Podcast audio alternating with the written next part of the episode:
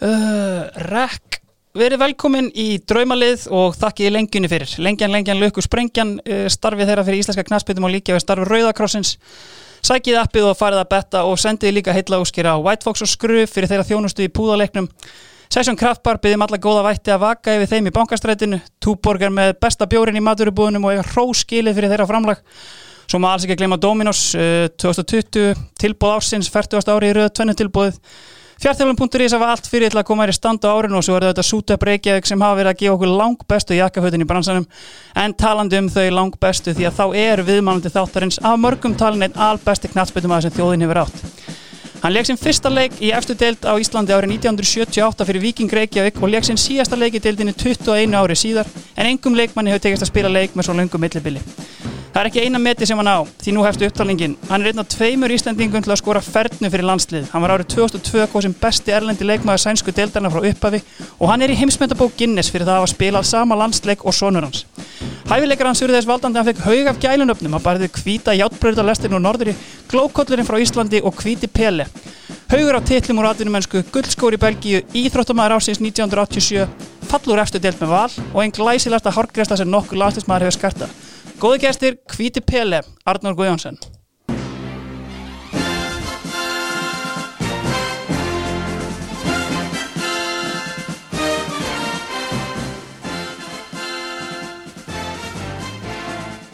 Blessaður og söll. Var þetta kannski smá yfirþyrmandi þegar þetta lesið svona uppátt fyrir það, kannski bara með mannur þessu? Já, þetta var yfir þyrmandi á ákveðnum tímapunkti þegar hún nefndir hérna hvíta peli. Já, einmitt. Það var svona, það var svona, það fyrsta sem ég kynntist af svona gallharðari, svona, hvað bara segja, blaðmennsku. Já, einmitt. Og náttúrulega ég er eiginlega hryfnastur af uh, hvíta játbröðalestin. Ég kannast mistu það. Já. Herriðu, uh, Session Kraftbar í bankastræti 14 þeir halda áfram að vera með okkur einfallega því þeir get ekki beðið eftir að servera okkur aftur. Engin hráka, hér ríkir ása hláka Arnór, þeir hjá Session hafa oft svona bjórtengdar spurningar og hérna, þú eður náttúrulega mestum tímanum í, í Belgíu þar sem þú ferð 16 að verða 17 ára. Hvernig var svona að koma inn í svona atvinnumennsku fullorðins búningsklefa bara sem krakki? Það var, það var náttúrulega, þetta, sko, ég fer hérna út 78 og þetta ár var eiginlega klikkað í mínum huga. Ég hérna ég er að spila um uh, ég er rétt fyrir vorið í úrslitum uh, undir 17 ára landsleysins um, er byrjað að æfa með vikingi í meistarflokki og, og, og, og byrja svo að spila í kjölfæra þessu móti, kemur heim og við förum að spila í, í Íslandsmótunum með viking og mm -hmm setnum sömari valin í 21. landslið og spilaði þar leika mútið Núri um, setnum sömari valin í landslishópin og svo um haustið út til Belgiu í atvinnmennsku þannig að þetta var svona ár sem voru ofbúslega kapla skipti í mínu lífi má segja. Emitt og síðan maður náttúrulega ekki gleyma því bara þegar þú ferði út að þá eru pappi. Já fyrir auðvitað. ekki nóg með það. Sko. En þú veist, það var svona, hérna, veist, kannski bara einmitt svona, uh, eins og kemur inn á, nóg að gera og var þetta kannski bara svona, veist, eðlilegt í þessu ljósi einhvern veginn að vera komin bara, hérna, með alvöru köllum bara, hérna, í atvinnumönsku 17 ára? Nei, auðvitað, auðvitað voru það mikið vilbyrðið. Ég var náttúrulega búin að spila langstæsta fyrir minn hérna bara á mölinni og, og, og þetta er fyrsta árið þar sem við förum að grasi hérna 78 þegar ég byrjaði með mistarflokki og það má segja það að svona að finna fyrir þessum svona professionalisma þú veist ekki það að maður var svona ágætlega undir búin búið að ráleikja manni mikið og, og veist, þarna var þetta samt meira eins og menn voru bara mæti vinnuna mm. gera sitt og svo undirbúa leiki sko þannig að ég hafði nú gott að því að, að njóta stöðningsþjálfarans sem kom hérna heim og, og, og sá mig og fekk mig til að koma og, og hann var gríðarlega hjálp svona þetta fyrsta ár sem ég var þarna og kendi mig mikið. Algjörlega. Færum okkur þá bara hérna í liðið þitt. Uh, hendir hérna í lið fyrir mig, sko er ég að skilja þessa liðstöpstillingu rétt að er þetta þrýri vörð ertu með svíper eða eru við bara í 4-3-3 eða hvernig lítur þetta? Það er engin taktik í þessu ég er bara að rissa þetta einhvern veginn upp Já, ok, þá bara hérna fyrir við Ég hugsaði auðvitað til veist, hvað varnamenn, hvað miðjumenn og, og sóknamenn sko. mm -hmm.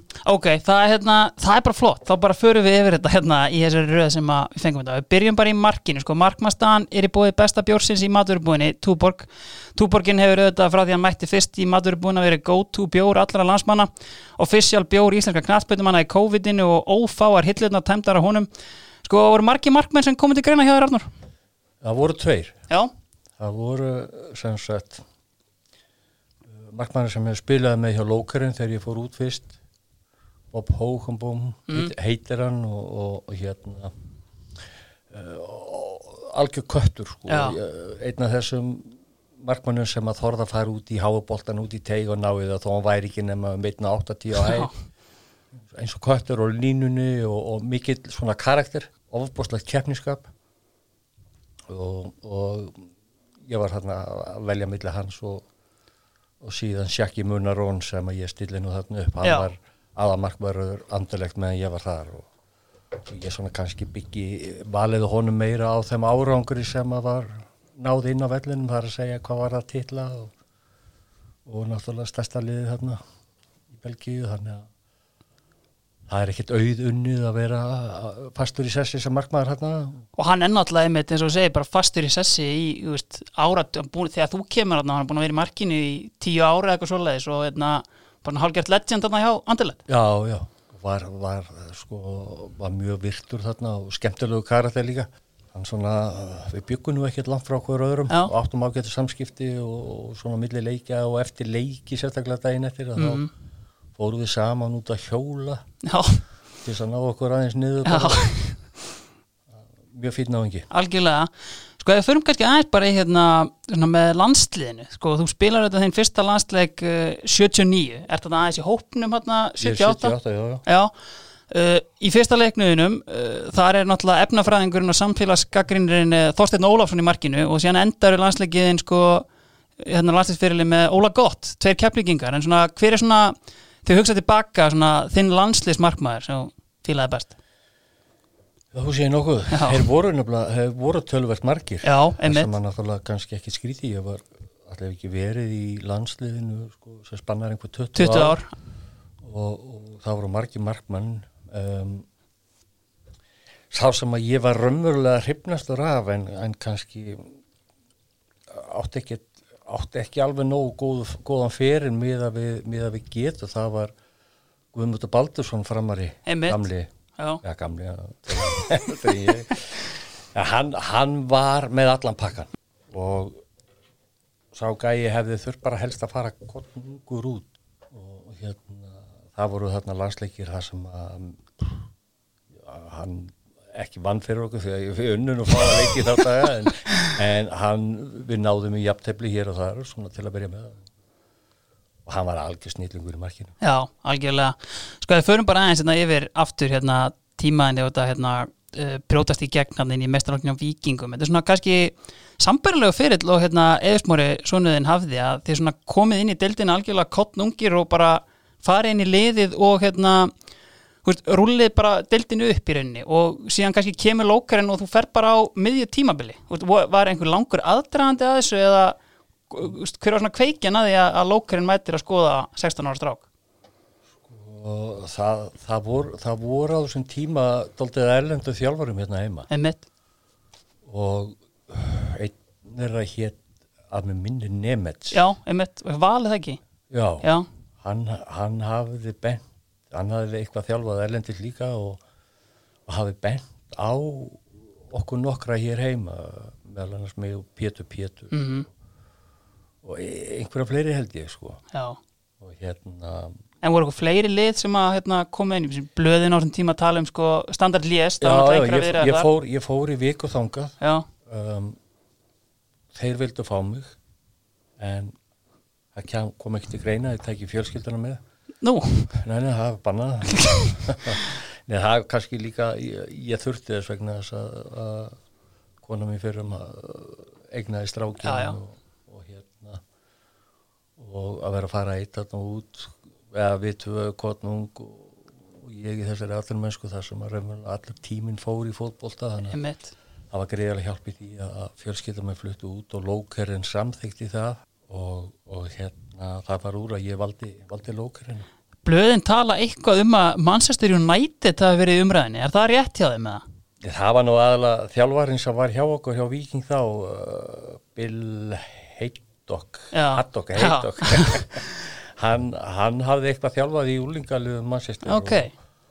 og, og var að reyna að fá mig til að býða alltaf sér að tala við það og, og, en þetta skeiði allt á þessu árum á, sérstaklega árið 78 skeiði allt svo fljótt, það skeiði bara allt ég var náttúrulega með þannig að drauma að verða aðtunumæður og allt það sko, en, en, en, en ég man þetta var yfir þyrmandi ár Einmitt.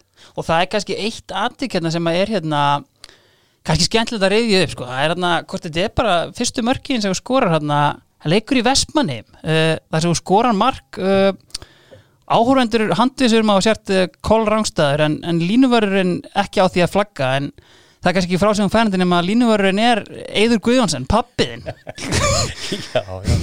Það forfallaðist einhver, einhver línumarður þarna rétt fyrir leik og, og, og, og kallin var kallaði til. Og ég fæ stungusendingu inn fyrir að skora. Já. og það bærður allt brjála upp í hlýðinni hérna. Hólsararnir alveg viltir hana Já, já, ríkur, ég glemir aldrei. Ríkur einnir úr hlýðinni og að kallinum og hann sneri sér við og dundraði með flagstöngin í feysi sko. Þetta, þetta er bara skeið á Íslandi. Já, algjörlega. Herðu, uh, færum okkur þá bara hérna upp í vörnina. Vörnin er í uh, búið Dominos. Dominos er í aðlisinu varnamenn sem að rjúk út úr stöðu sól upp völlin og skora glæsileg mörg uh, Ronald Koeman, pizzana kannski uh, leikmærin, ekki þjálfærin Sko Arnár, eigum við að byrja þetta bara á Já, hvað er ég að byrja þetta? Bara á hægra hérna í vörninni Já, á Van Tikkelen Ég var að hugsa um að uh, Sjórns Grun kannski? Sjórns Grun, já, já hann var hægri bakverður Já. belgískur landsleitmaður í, í töluverðan tíma mm -hmm. og, og, og fór til uh, Parma og Ítalíu. Átti þar æfintilaleg ár og hérna mjög uh, svona upplugur hægri bakverður alltaf að. Mm. ekkert sérstaklega fljótur en gætt hlaupið endalust upp á niður kantinn uh, þar sem ég spilaði svolítið hægra megin uh, framar en hann með honum svona sem hægri úteri mm -hmm. og, og, og við áttum hreikala gott svona góðan skilning okkar á milli og, og hérna já, hann er svona þessi eftirminnilegasti hægri bakur Sjálf valin bara Já, já. Ég, sko, það kom raunverulega engin annar hægri bakur til greina í þessu liðið hann er svona í setni tíð eh, virtur svona sjónvarspresentur hérna í Belgíu? Ég hitt hann einmitt hérna í, hvað var það fyrra eða hitti fyrra? Þá, þá var hann að vinna fyrir sjónvarpið og var að fara að lýsa leik Íslands og Belgíu. Við hittum sérna og áttum gott spjall. Og bara einmitt hérna góðu karakter í, í, í því og góður í klefanum Já, hann opbúrslega samt yfirvegað strákur. Já. og svona virtist alltaf vita nákvæmlega hvað hann ætlaði sér og, og ánþess að vera með nokkuð læti hóvar týpa en, en opbúrslega hvað maður segja, professional. Einmitt. Færum okkur þá bara hérna inn í, í uh, miðja, eða sérst einhver staðar í vördninni hérna uh, á Van Tegelan. Uh, Naglin, oftast kallaður stóð hann undir því nafnið? Já, algjörlega.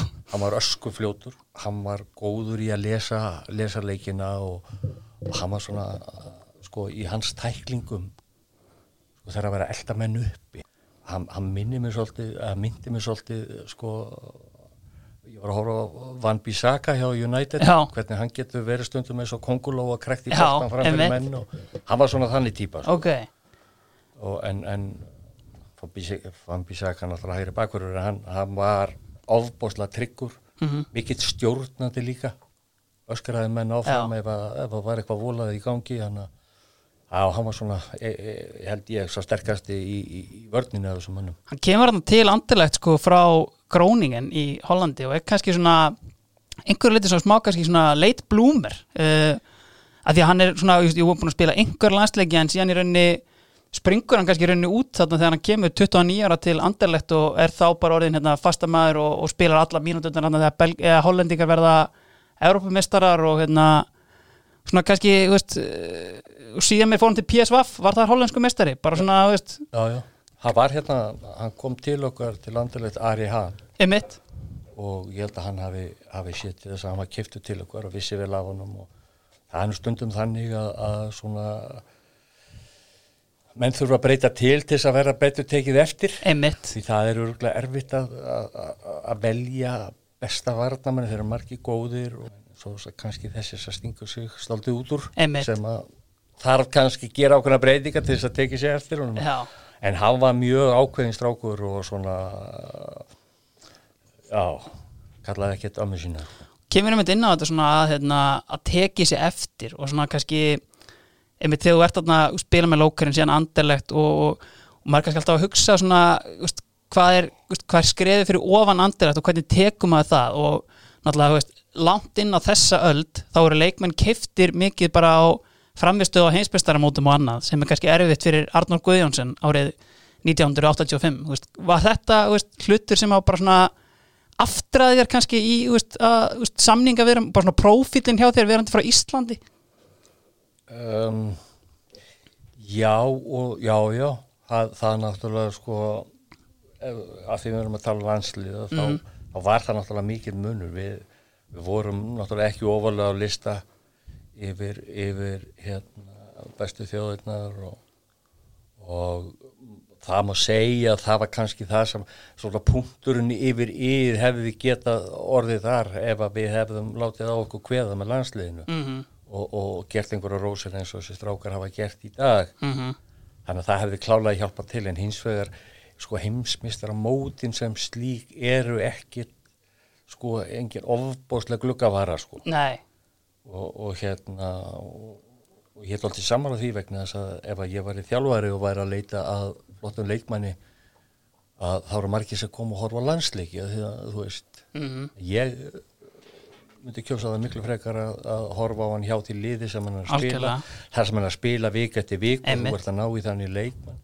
Þú getur komið og einhver getur átt glæstan leik í landsleik og hérna svo er það bara ekki e, þeirra uppi staðið ekki, ekki eins og menn heldur sko. Nei, en, en þetta er náttúrulega eh, klárlega hjálpar til. Mm Það förum kannski út í annan hérna, Gall Harðan, spila náttúrulega með hérna, Morten Olsen, danska dýnamítinu var hann eitthvað hann, hérna? Já, hann var náttúrulega listanum. Hann var, hann var svona meiri hann var svona meiri líbero Já, einmitt, á þeim tíma.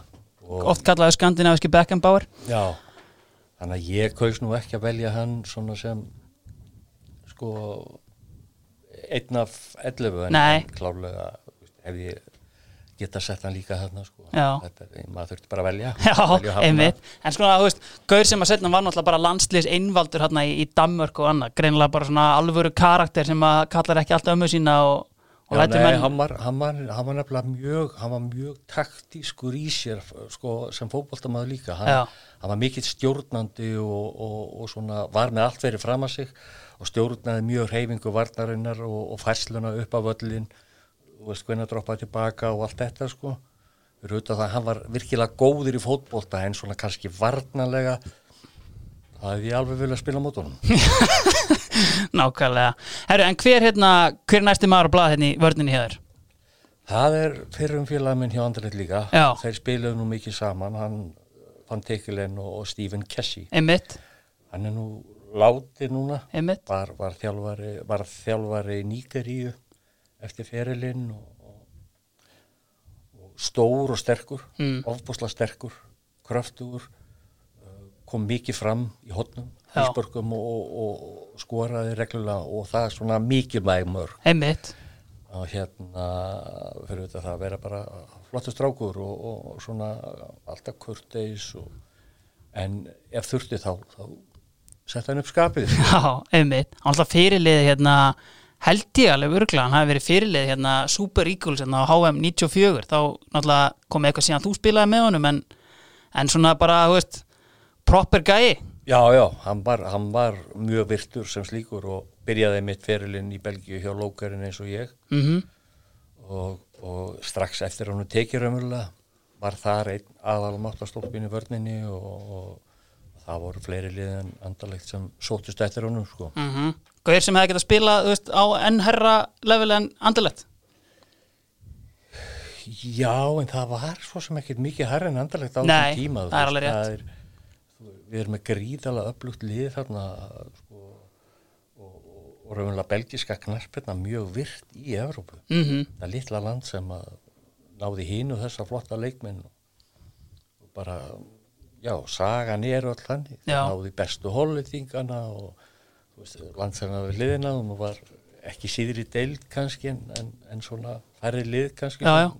en, en þetta var þetta var upplugur tími í belgísku knæspinninni á þessum tíma Mm Ég sé mitt sko, veist, alltaf, veist, löngu fyrir mína tíð og allt svoleiðis og þegar að velta þessu fyrir mér, þú veist, Anderlegt er náttúrulega hérna, áskrifandi að úslitaleiknum hérna í uh, Júfa Cup og Cup Winners Cup og þetta. Það kannski stendur eitthvað aðeins á hérna, á hérna, á me, forvera meistaraldildana, svona European Cup, uh, veist, þú spilaði nokkuð aðeins í, í þeirri deild, eða ekki?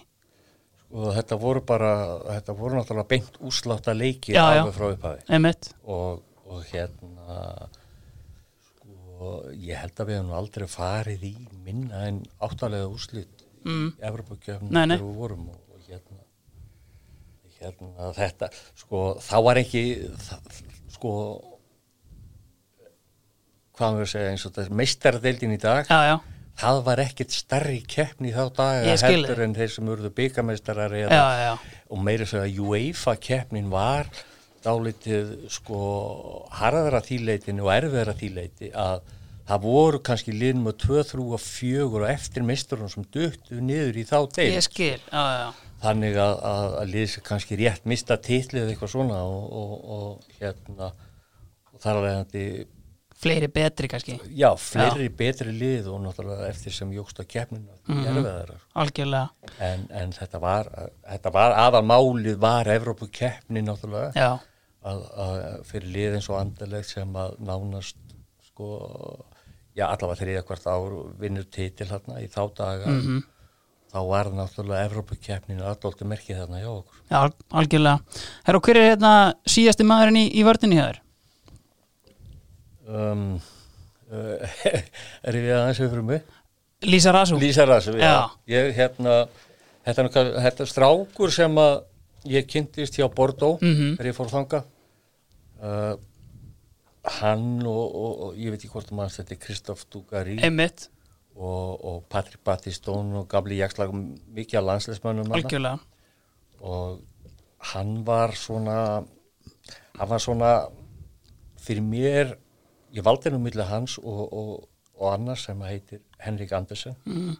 Sá gæi var líklegast eitt svo físík sterkast í leikmann sem ég spila með. Já. opasla fljótur og mikið úttald og stráku sem hafði æft frjálsar íþróttir Já, á yngri árunum áður hann fór í fótboltan en gott að vel en ég valdi Lísa Ratsu hann var svona þessi típiski meiri vinstri bakur eitil harður varnalega það kannski vantaði þessum Andersinni og aðeins svona varnalega Já. að geta verið betri en, en frábær samt sem aður mm.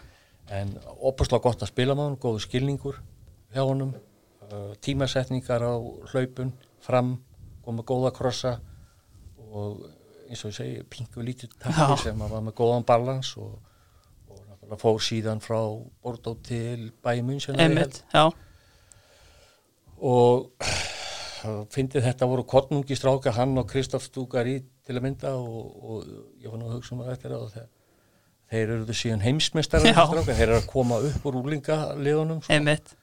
Urðu heimsmeistarar nokkrum árum síðar.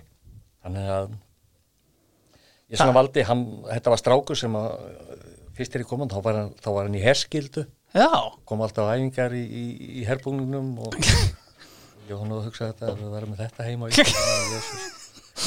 en opaslega fýtt náðingi Já. og, og hérna ætlaði sér stórt þetta er einmitt svona hérna, tíman í Bordeaux náttúrulega mjög áhugaverður. Þú ert hérna búin að vera þarna í einhver stappi hérna við anderlegt um að hérna um að, hérna, um að komast kannski hérna frá félaginu og, og síðan poppar rauninu upp kannski óvænt og hérna og er búið að dæma Bordeaux niður um deild þarna þegar þú mætir? Að, Nei, það er ekki búið en, en þeir eru komnir í töluveg vandræði. Mm, uh, hann var þarna sem þjálfari Raymond Gútals einmitt.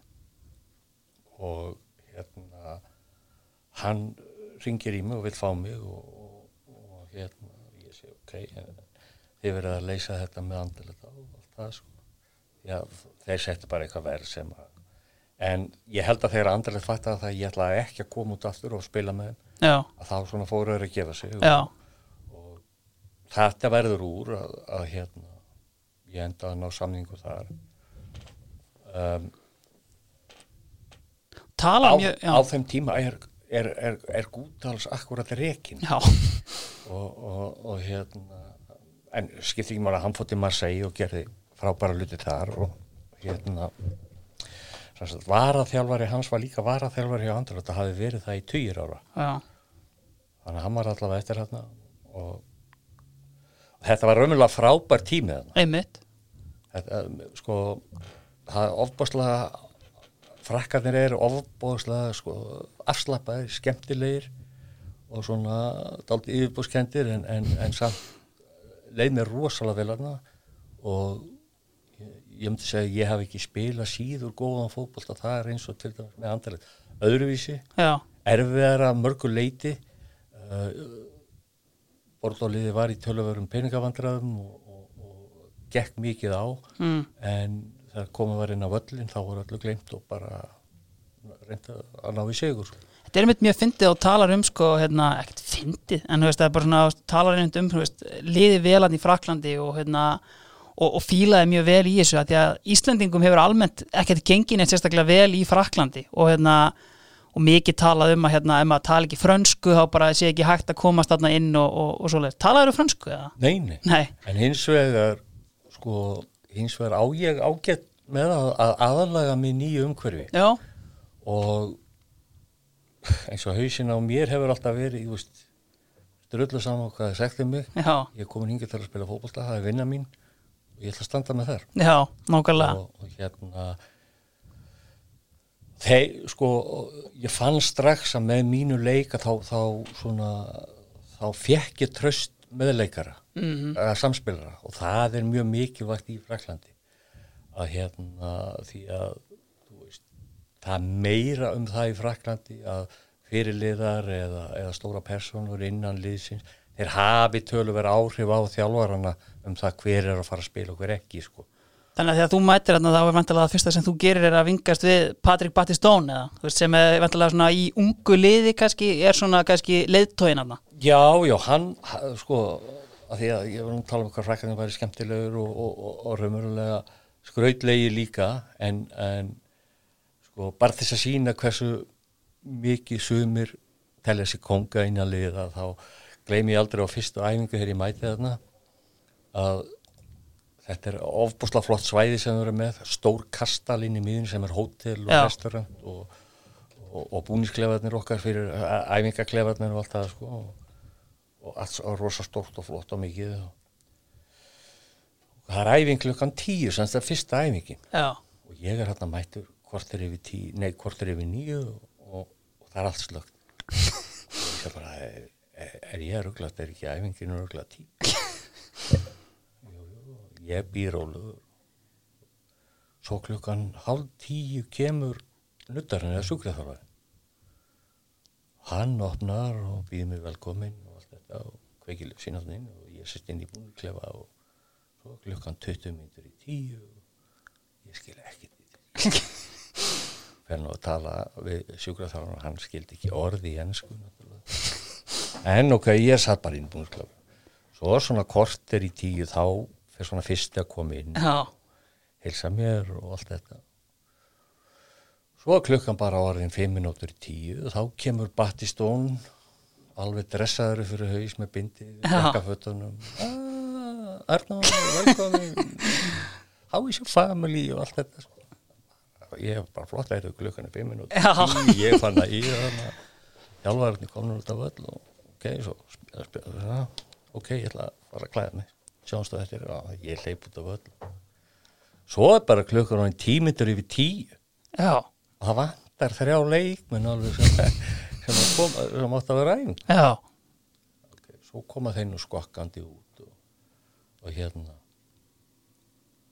Og þjálfan, já já, þá getum við byrjað æfing ég hugsa með mér þetta hefði verið svona þreföld sekt hjá hann þú veist en, en þetta var svona þetta var svona á normið þarna og, og, og, og ofta tíum hugsa ég að kannski maður þurfinu bara sjálfur að slaka á og. Vera svolítið þáttagapndi bara í þessu. Já, bara go with the flow bara. Já, Já nákvæmlega. Það, en, en sko, og síðan, síðan á fyrstu æfingu ég sem hefði maður, þetta er liðlegir og, svona, leist ekki þetta á þá sko. Nei. Svo kemur lögadagur og þá færið í leikina. Þá er bara allt aðrir karakterar mætt, mættir inn á völli Já þá var þetta bara eins og æfingin skiptir einhver maður leikinir er nummer eitt og þá sá maður bara sko blóðsvitt og tár Já, og allt einmitt. gefið í leikina. Þannig þeir voru ekki að uh, spila eins og þeir æfðu klálega þarna í Fraklandi all, alls ekki en, en, en segi, mjög, mjög skemmtilega náungar og svona já, þeir, þeir létu manni líða vel Já, geggjað að heyra. Sko, uh, ef við klárum bara einni vörninni uh, fjartþjálum.is, þeir hafa verið svona að spyrja viðmælendur út í svona hörðustu leikmenn sem að þeir spiluðu með, var einhver sem kom sérstaklega upp í hugan þar? og en, engin sérstakun nema ég myndi kannski segja Adri fann Já, ef að sá gæið þurfti að, að býta frá sér já, og þú veist ef að hlutinni kannski gengi ekki alveg upp og þá var hann svona þessi fyrsti sem að byrjaði að öskra á góla og, já, og, og, láta finna fyrir sér sko. Já. hann gæti verið eitt til harra en svo var þetta blíðu strák en það er nú oft með marga þess að fókbaltamenn að það svona en eru öðru sinna vellinu menn í innu dags, daglega lífi. En ég svona til að hann hafi verið eitt svo harðasti. Já Það er hérna bara vel að því komin Adri Van Degelen. Herru, ef við færum okkur þá upp á miðjuna, hún er sem fyrir í bóði White Fox og Skröf, það eru yfirburðar eh, púðar á markanum, hann er ekkert tóbak, ekkert eitur, ef þú vilt hætta í tóbakinu var þetta eina leiðin, tjekkið þið bara á þessu uh, Arnór, hvað er ég að byrja þetta hérna inn á miðjunni, kannski bara á uh, djúpa miðjumanninu með það? Musonda? Já. Já, þetta er stráku frá Sambíu Mm kom til okkar 8-10 og getur það 87 Já, gott 87 ef- já. 8 gríðarlegt úttald mm -hmm. ofbásla góður í fótbolta sópari, las leikinn. Um, hann varð ofbásla mikilvægur hlekkur á milli varnar og sóknar. Mm og ekki bara varnarlega heldur líka sóknarlega. Spilaði einfalt. Uh, já, létt bolta ganga strax þetta svona myndi mann svolítið á kanti eins og hann er að spila hjá Chelsea nema, Mhm. nema þessi var ennþá meiri svona varnarsinnaður Mm. og, og spilaði af einfalt líka Mm. ofbúslega gott að spila með honum og, og ég svona valdi hann já, sem svona svona já. okkar sko sem að kannski gerði meira gerði meira fyrir þá sem er kannski í liðinni hjá mér fyrir framann Já, einmitt og sko á þeim nótum einmitt veist, þetta er svona típa af leikmanni eh, oft kallað Vasperin, the water carrier og þú náttúrulega spilaði með fyrsta water carriernum uh, Didier Deschamps hjá Bordeaux Já, Er það ekki ég- rétt um mér, eða? kannski, ég, hann náttúrulega kom sterklega til greina á mér en við spilum bara svo stutt, Já. stutt saman sko, hann Mhm. fór eiginlega bara strax Já, í kjölfarið á, á vandræða Bordeaux í, fjármálum Mhm. og, og fór yfir til Marseille en var það svona svipu típa, veist, svona einmitt, að því að oft talaðum sko, hérna, og Erik Cantona sem að fólk í dag heldur að hafi verið svona eitthvað hrós en hann var náttúrulega móðgan þegar hann kallaði hann water carrier sko, og hérna, en það er svona leikmaður sem að menn hafa hort á, þú veist, hvað gerir þessi maður fyrir lið, en veist, hann er bara nákvæmlega í með þessu, bara svona, veist góður Já, fyrir hinna Þetta er náttúrulega svona leikmenn eru náttúrulega gríðarlega mikið vegar hlekkir í góðum liðum mm -hmm. Og, og hérna ég, ég hugsa að Díti til Sjams hafi nú verið svona ekki, ekki, ekki tíðri að Músonda en eins og ég segi, ég kynntist bara Músonda svo vel og, og átti nokkur ár með honum og, og eins og ég segi, ríkala gott að spila með honum. Og það var svona var það náttúrulega sín tíma mikið, mikið vægin lekkur í, í liði Sambíu. Mm var nú meittur blessaður strákurinn sem betur fer þegar að sambíska landsliði hérna í flugslýsun einmitt, hérna. Tók mikið á hann? Já, ég held að þeir voru tveir þarna, ég mann ekki hvað hinn hér hann var hjá Serkar Blöka í Belgíu. Mjög góður. Mm. svona daldi eins og Ríad Marets að, að mörguleiti mm. uh, þeir tveir og ég maður bara valla að heyri þið af þeim sko, eftir, eftir þetta sko. mm -hmm, Nákvæmlega Það er að segja inn á vellin Nei, einmitt, og spila náttúrulega með einmitt hérna, músondæri liðinu, hérna, þeir spilið úslítaleikin hérna í Köpinus Köp á móti hérna Sampdoria. Annað skiptið sem ferðan í úslítaleikin svona einhverjar minningar úr þessum leik? Var þetta, hú veist, svekkjanda aðkynna náttúrulega framlengingu aðna Já, já, ég, en sko þegar uppstæðið þá voru, voru Sampdoria aðeins betri. Mm. en við áttum sko, áttum að gera mikið betur samsum áður það voru svolítið að þessum strákum hjá okkur sem að innan gæðisalapa voru aldrei líkil menn hjá okkur í sókninni að, að það, það fóru svolítið í féluleikin í þessu leik og, og ég fannst einhvern veginn hugur okkar aldrei stefni það að, ná því að vinna samt úr í þessum leik Nei. sem voru gríðarlega sterkir með marga frábæra leikmenn mm. Sjánlúka Vialli og, og Mancini þarna frammi reykala stert sóknapar og svo mann veit ekki hverju voru þarna Ceres og já, að hann spilaði hann að leik held það, já. Nei, nei, þannig að, að það var svekkjandi af því að ég hafði nú tapað leikaða með andalit líka mótið tóttinam er að segja setnilegnum mm -hmm. á vítaspinnum og hérna ég var alveg viss um það þarna myndum við ná í. Þetta síðastu leikurinn fyrir andalit, eða? Já, já, ég held, já, já, mm -hmm. það, þetta er síðasta leikur. Mm -hmm.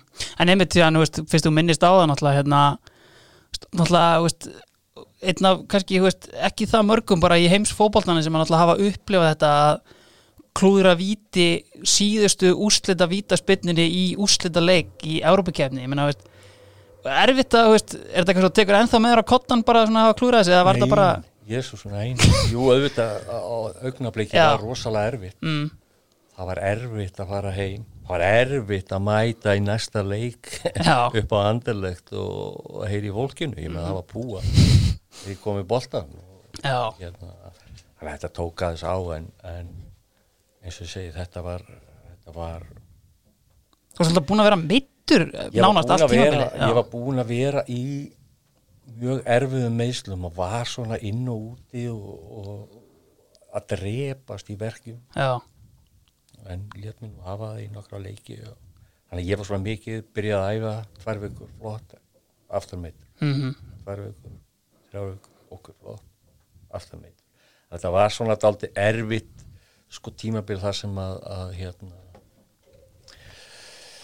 það sem ég gekk í gegnum. En auðvitað er ég ekki einu fókbóltamann sem gengur í gegnum eruleika sko einu vellinum en, en hérna.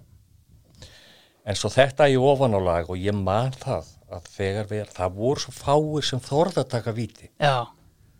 og hérna þegar þjálfarinn gengur og spurgur ég testi mig til að taka, já já, ekki já. og hérna eins og ég útskýraði fyrir hérna, breskur bladamæður sem talaði við mig fórum við eismára út til London í fyrir tveimur árum. Já. og hann var einmitt að spurja hann, hann spurði svo mikið akkurat út í þessu augnablik alveg síðustu hvað fannst að hugsa þegar það var að skjóta á allt þetta sko. Og ég sagði bara þannig já og svo ákvæði ég skjóti þetta hotn og ég skoraði næstu því annaðlega alveg mjög satt sko. Park sátt með rosalega markvæsli Herri, uh, hverjir frægur, sko hann er frægur í tóttunum ennþá í dag. Já, hann, fyrir hann þetta. er sagt, hann er svona uh, markmannþjálfari og Eidur kynntist bara maður þegar hann fótt í tóttunum mm -hmm. og hann var alltaf að segja nú hvað hann er vantarlega verið duglegur að reyja þetta já, já. en það var Morten Olsen hafði náttúrulega klúra að víti þetta áður þannig að ég hefði sko Þú hefði sendið þetta í bráðabanna Já, einmitt, það er náttúrulega hérna, það er alveg rétt sko. Herru, hverjir eru hérna með músonda á miðinni og maður bara ráða hvernig þú tekur næst. Uh, Byrjum á Lozano. Já, endilega. Þetta er strákur sem fættur á Spáni. Mm -hmm. það er í Andalúsíun á Sevilla. Uh, spilaði með Berskott í Antwerpen lengi. Uh, ofbosla teknískur, klókur útjónarsamur svona sumir eru einhvern veginn með reyfingar sem eru, þeir eru eins og slöngur já, já. það er eins og getur aldrei haft augun á þeim sko, það er svona klókindi og, og elegant leikmaður Mm -hmm. og fyrir auðvitað hann skoraði mjög flott og falleg mörg og, og gott að spila með og, og hérna það var svona daldið sko hann tók mikið til sín líka Já, það er að segja að hann vildi alltaf bolta. Einmitt. Var of, ofta reyður að hann fekk hann að en auðvitað skilaði því áfram að, að, að búa til eitthvað fram á við og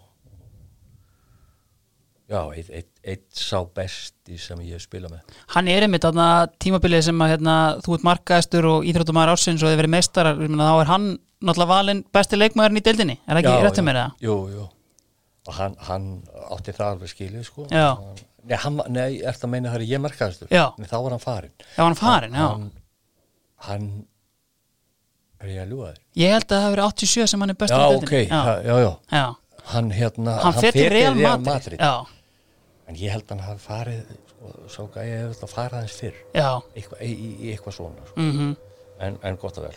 Algjörlega, þú spilar þetta líka með hérna, uh, svona í dag þekktari sem náttúrulega svona maður í kringum uh, leikin uh, Frank Arnesen var hann alvöru leikmaður Frank var Já. flottur sko þetta er einn ein, ein skemmtilegasti Dani sem ég þekki Já.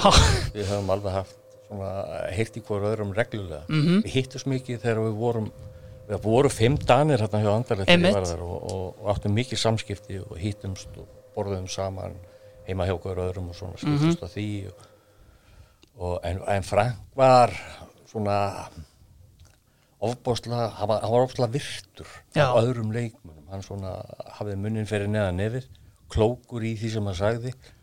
Og hérna Þannig að svona þetta sporting director dæmi hefur leið mjög vel fyrir honum. Já, maður sá það alveg strax sko, hann, hann fæ, hvort það er í þjálfari eða, eða sportingdirektor eða hvað sko. Mhm. að þá var þetta alveg típan. Mhm. og ég man að við vorum ekki að spjalla mikið um fótbolt og svona sálfræðina í þessu leikjum, hvernig þið færu fram og hvernig menn ætla að haga sér og, og allt þetta sko. Og hérna og það kemur eitthvað talið að því sko að, að gef ekki þjálfarunum sjens á því að maður spili það ítla að setja mann að bekk inn næsta leik. Já, já, sagðan, já eh, sko, maður þarf alltaf að vera klókur ég lendi til dæmis í Pólfan Hims þegar hann var þjálfari þá. Ég lendi því að, að lenda að spjalla við hann eftir leik. Ég spila það um daginn já, já, ég manni því, ég sagði nú ekki að hann er hundliðilega en, en hérna, já. Nei, þjálfarinn kallaði mig inn og segi við mig sko, Frank ég var ekki ánað með því dag. Síðasta leik sko. og hérna ég ætlast til meira að þeir sko. Og Frank sagði það fyrsta sem kom upp í hausin á mér þar hann er að enda þessu spjallið mig og segja, heyrðu, hann ætlar að setja mig að bekki inn næsta leik, ég verði að svara þess og ég sagði við hann bara heyrðu, hérna það verður náttúrulega að taka alla hliðar leiksins til greina. Já, ég hljóp hér eins og teitlingur fyrir liðið og, og, og, og þú veist, ég er liðsmaður og ég, na, ég er ekki vissum að unnina leikin nema ég hef verið svona duglig þú veist, hann sagði bara þjálfar var bara kjart á þannig að hann- sagði alltaf Arnur, láttu aldrei gefa séns á því að setja á bekki fyrir eitthvað svona. Nákvæmlega.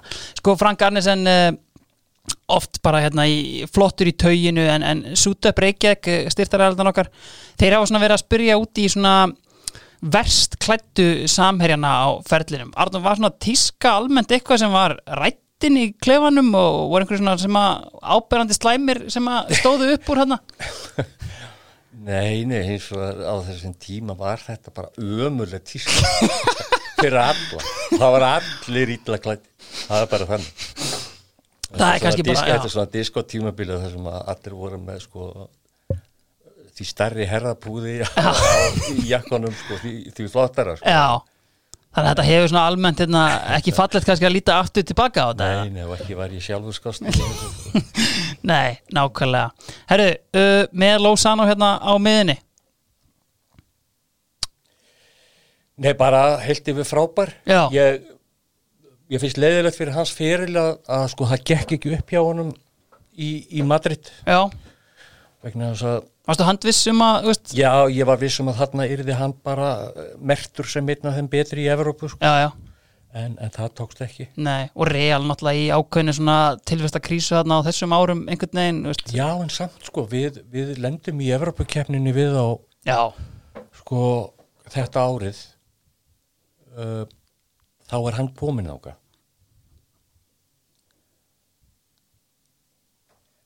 er hann, já, nei, þetta er þannig að hann fór fyrr já. en við erum að tala um. Já, já, já. Ég, ef við mætum hann síðan í Evropakefninni þá þetta árið sem að sko, þetta, þetta er alltaf bara fyrsta árið hjá hann hann fer 83 Einmitt.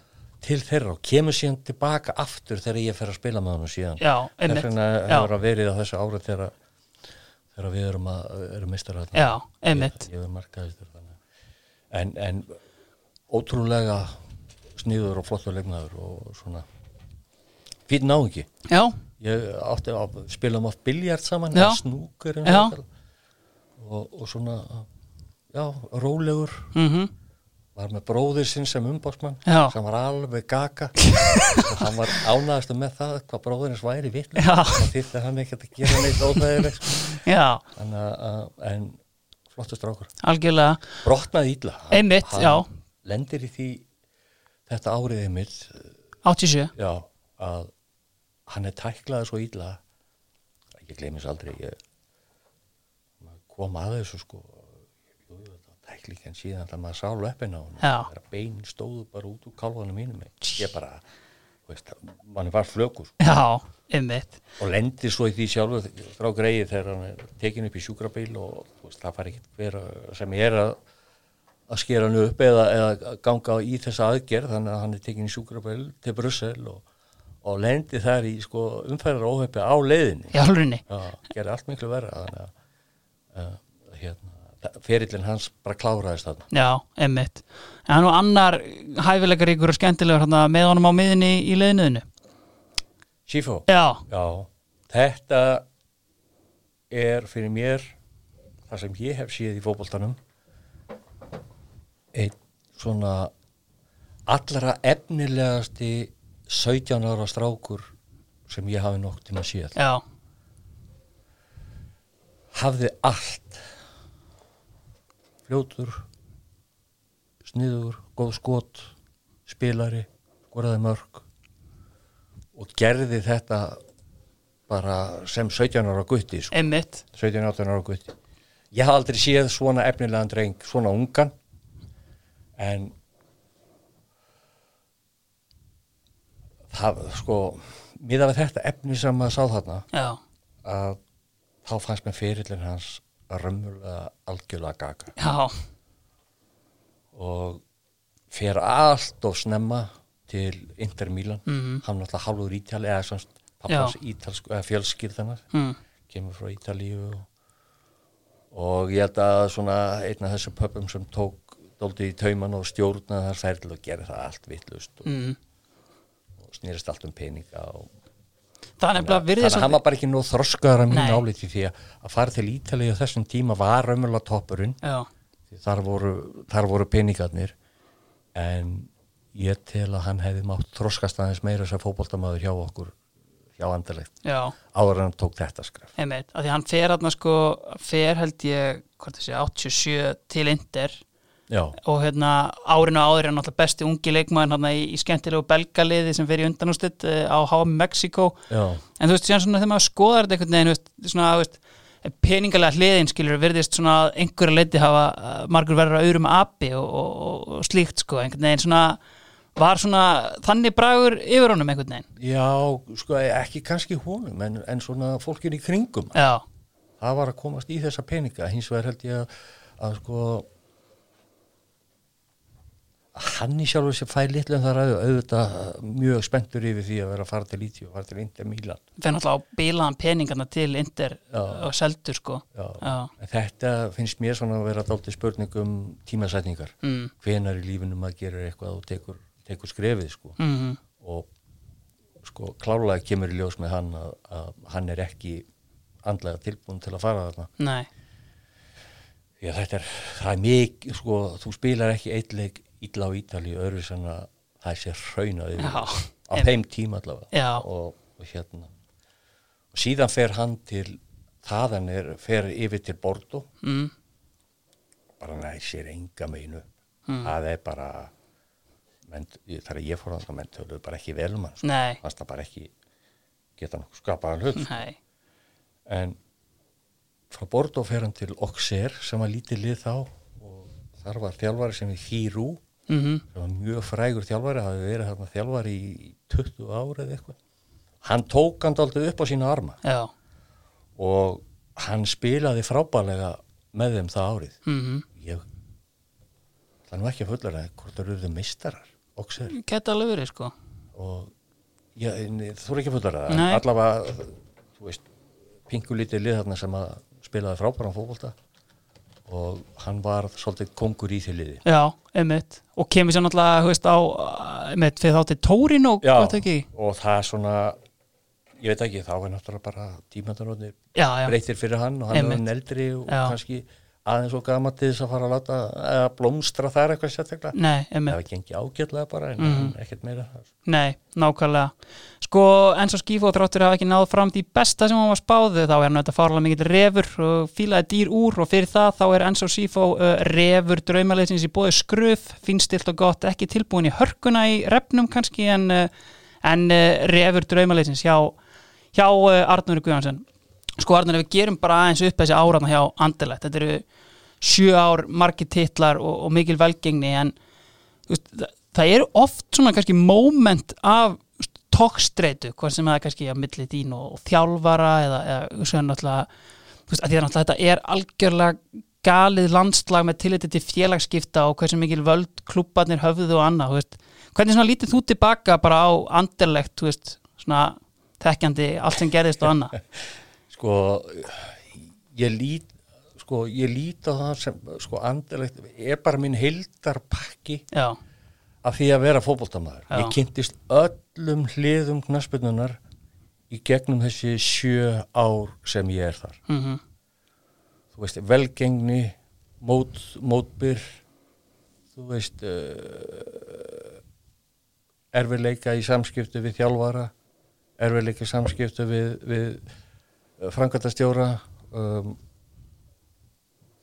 allur pakkin meðisliði þú veist ég gekk í gegnum raunverulega allan pakkan á þessum típabili hjá andilegt og, og hérna þannig að ég svona eftir á að higgja sko ég var oft með svektur út í, í forraðum en andilegt en, en svona var þetta bara á þessum tíma. Ég menna ég sko þegar að samt úr ég kemur upp að, að þá þá er bara settur einhver verðmið á mann sem er bara gallaður.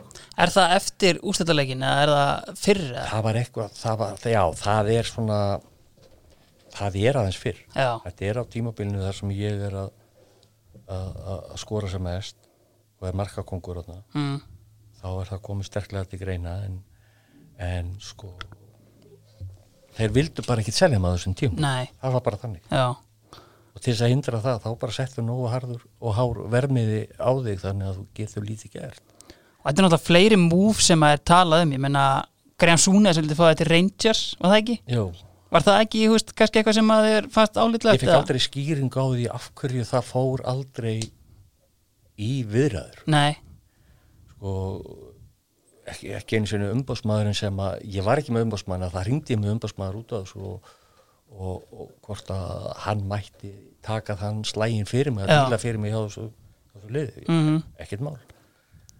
En eitthvað kom þar upp sem að setja allt í nút Já. ég fekk aldrei skýrið því ekki það að ég var ekkert sérstaklega spenntur að fara, fara heldur til Rangers á þessum tíma talandi um um mann sem að hérna, spilaði með í Lókaren og er keiftur til Lókaren á sama tíma og þú uh, James Bett, hann fór nú heldur betur til Rangers, var það, veist, og bara talað um hann sem veist, bara einn albesta miðjumann skota, frábæð leikmaður eða? Sko, hann var þessi, hann var þessi einn af þessum sópurum á miðunni uh, spilaði varnatengilið, mjög góður í fókbalta sterkur, sterkur á boltanum dálitið mikið sendingar tilbaka Já. í staðin fyrir fram á við en, en mjög mikið var hlekkur í, í liði og náttúrulega fættur í Skotlandi og, og, og, og hann tók náttúrulega bara fyrsta búaði eftir að hann hafði sjansu að fara þanga að þá tóka því og ég skildi það mjög vel. Um, við fórum hérna saman 78 út til, til Belgíu og, og hann átti mjög erfitt fyrstu fyrsta árið. Já. en svo kemst hann inn í gegnum nýja þjálfara. Mm. Er eitt svona já, fastu maður hérna á miðinu, mjög, mjög öflugur. Mm -hmm. og verður síðan verður síðan fæð svolítið nafn til fer til Rangers. Einmitt, en einhverjum hlut að vegna koma hann aftur til okkar hjá Lókarinn er svona á síðasta árunni mínu þar. Já. Þá hvort hann er lánaður frá Rangers eða eitthvað Já, ekki. Það var þannig að, að, að Lókarinn svona kæft hann ekki aftur sko. Nei, einmitt og einmitt spila náttúrulega síðan mér á HM og, og annað, já, Alex Ferguson og, og fleira. Mikill meistari, James Bett já, já.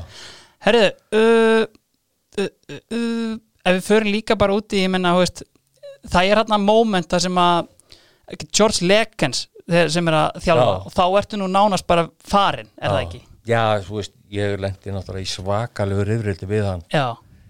Um, og það er landsleikur í Rúslandi Já.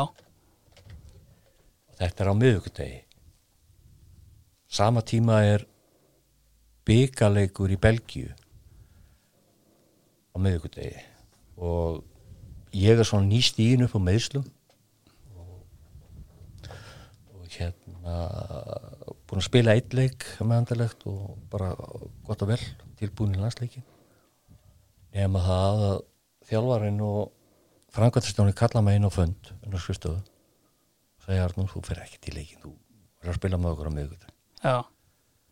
Og ég bara, þú veist ég, þú veist, þá er komið þetta þessi skilda að, að hérna hleypa mönnum. að hleypa mönnum nema að annarkur gefi eftir eða, eða mm -hmm. KSI gefi eftir. Já. og þetta stendur yfir í tölvaran tíma ég fyrir heim og svo kallar aftur upp á skriftöðu setjum daginn og það er haldið áfram og þá er Ellert P. Skram komin í síman Já. og ég á helst tala hann til um að fá að vera eftir Já. og ég er náttúrulega bara að hugsa mína framtíð minna, hvað ég gera, ef ég fer í hennar landsleik hvernig horfaði er á mig þessi félagir hérna tveir eftir það og, en það verður úr eftir örgla klukkutíma samtal við Ellert, Ellert B. Skram sko formann að hann gefur eftir og segir ok.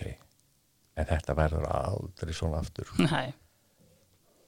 gott og vel og það er mjög ánæðir og hérna svo kemur þessi leikur á miðugdeginu í byggarnum og hann setur mig á bekkin já. Það sko eftir leikin ég leta hann þvílíkt þeirra og, og ég, það voru blaðamenn og allt annað það var náttúrulega allt brjála og hérna ok, þetta var svona, þetta var svona stundar reyði í mér sem að ég er nú yfirleitt þannig að ég rík oft upp en, en mjög fljótað niður að Já. en mér fannst þetta alveg skelvilega ósangjart að, að láta svona. Mm.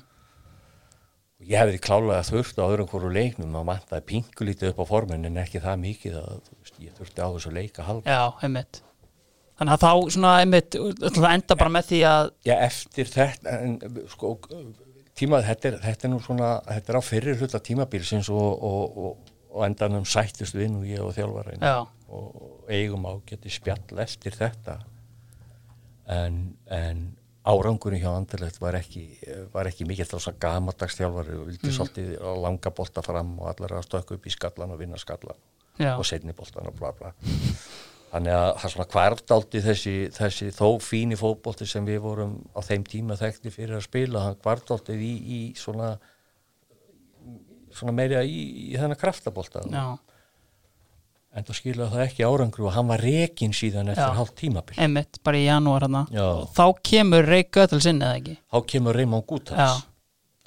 gamli refur. Já, og hann er það ekki? Ótrúlega þetta er svona svo afiðinn sko. hann var þannig það var orðin eldri maður sko.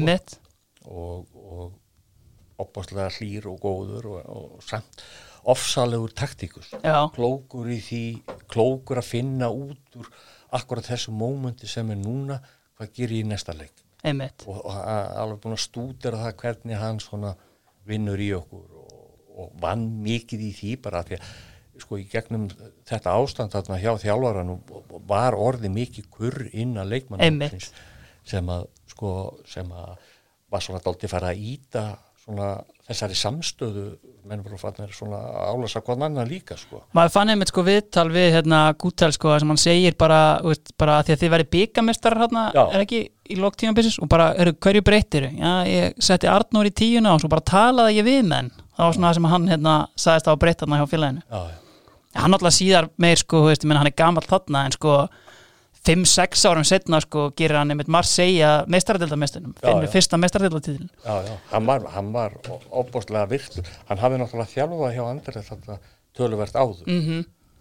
og skrautleg fígur, sko sögurnar á hann eru, eru algjör snill sko. hann náttúrulega sko fær náttúrulega í fyrsta lagi ekki að vera þjálfari því að hann er þarna í einhverju sko lífstíðarbanni eftir hérna eftir einhverju hérna erfið neykslismál hérna í tengslum við við skattsvik eða eða mútumál eða eitthvað svo leiðis það var alls konar maður, veist, þessi tími í, í, í þessu var náttúrulega bilað Já. það var sko, moranda svörstu peningarna já, og síðan sem setna síðan kemst allt saman upp og, og, og, og þá eru fundin þá eru fundin dæmi og það er kallin innvoru en blessað það voru allir að þykja eitthvað einhver staðar þetta var einmitt sko og síðan einmitt, þú veist, í tengslum við þetta meiri segja sko, hérna, þið spila hérna einhvern uh, þið spila uh, Európa-leik við Nottingham Forest sem Já. að síðan með sko tíu árun setna eitthvað svoleiðis er, er dæmdur ógildur í rauninni og, og hérna og forrámen andarlegt settir í bann og eitthvað fyrir bara að hafa múta dómaran, veist, er þetta eitthvað svo tókst eftir á þessum tíma varst þarna? Þessi mútumál til dæmis og svoleiðis? Nei, sko maður tók ekki eftir þessu sérstaklega en ekki fyrir en eftir á að hyggja. Og dálítið, þessi tíðar andi var svolítið svona. Mm. að búið múta dómarunum. Eitthvað svona, þú veist, þetta var bara einhvern veginn þannig. Já, en nei, ég veit ekki, ég, sko þetta var náttúrulega fáranlega vítaspilna sem við fengum. Já, og dómarinn dæmdi í víti. Hann, hann, snert ekki framærin hjá okkur. Mm, og en svo fyndist samt frá stúkunu og far, ég var á bekknum á þessu leik og það hann síða, þá fannst mann þetta púra vítir já. Svo eftir að síða það eru á og svo er ekki fyrir hvað áratugum setna sem að menn sem að dómarinn stígur fram og bara viður genið þetta. Örglega leið og hérna.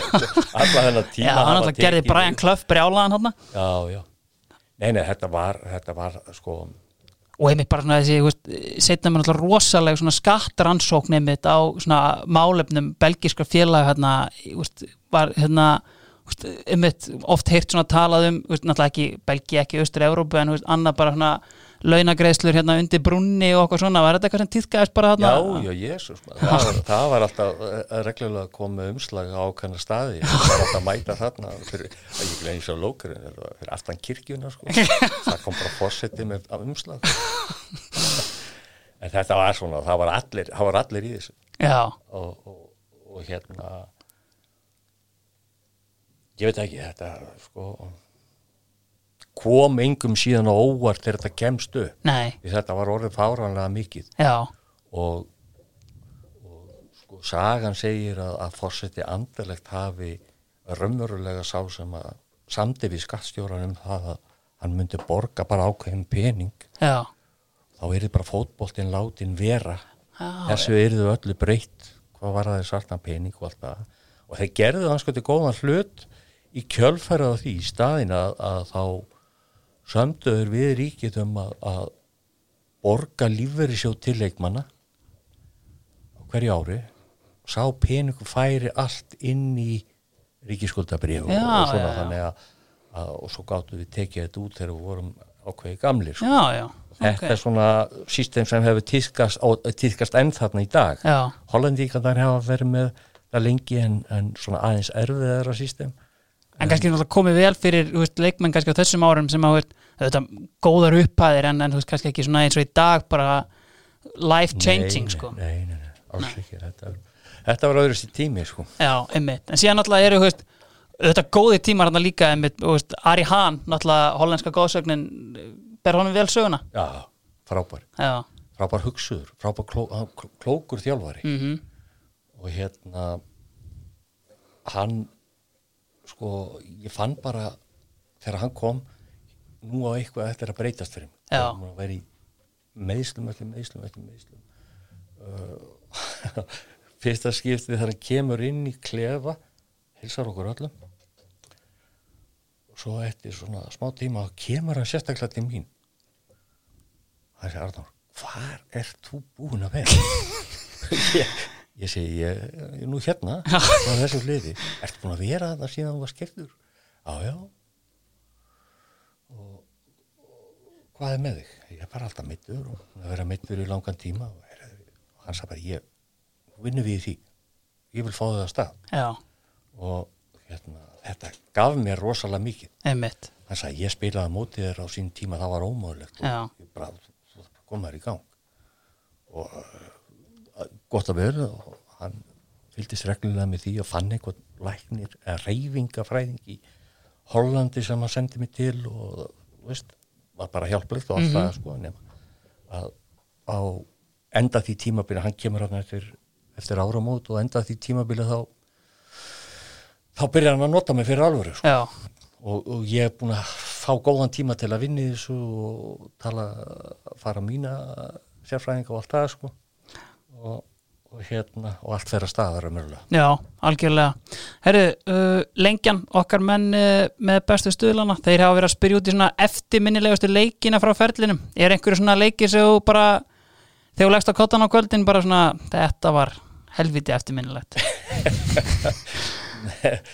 Það er sko kannski eh, þú veist, eftir minnilegustu leikirnir er ekki endilega bestu Nei, nei. leikirnir en, en en auðvitað situr þessi, eh, þessi fjögum örka mútið Tyrkina Já, já. heima.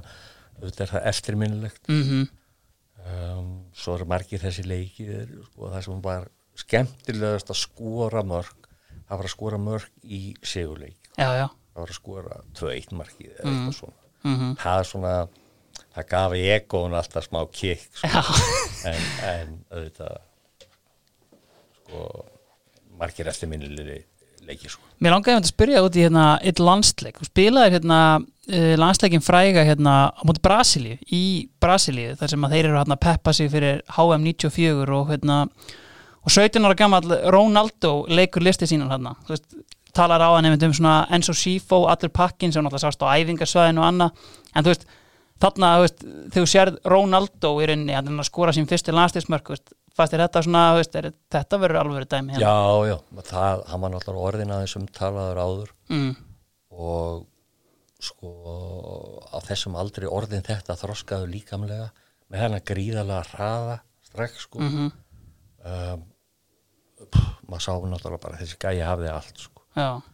Og, og hérna ég gleymi ekki það er alltaf fyndið atvik að, að hérna Daði Dervits sem var í vörninni hjá okkur hann fekk svolítið það verkefni að, að dekka hann í þessu leik. Já, og svíjarnir eru með þeim í riðli einmitt. á næstu heimsmyndarakefni þannig að þeir eru hérna í Brasili að mynda það og njósnum það og, og eru svona fyrir aftanmarki með kameru til hliðar og allt þetta sko.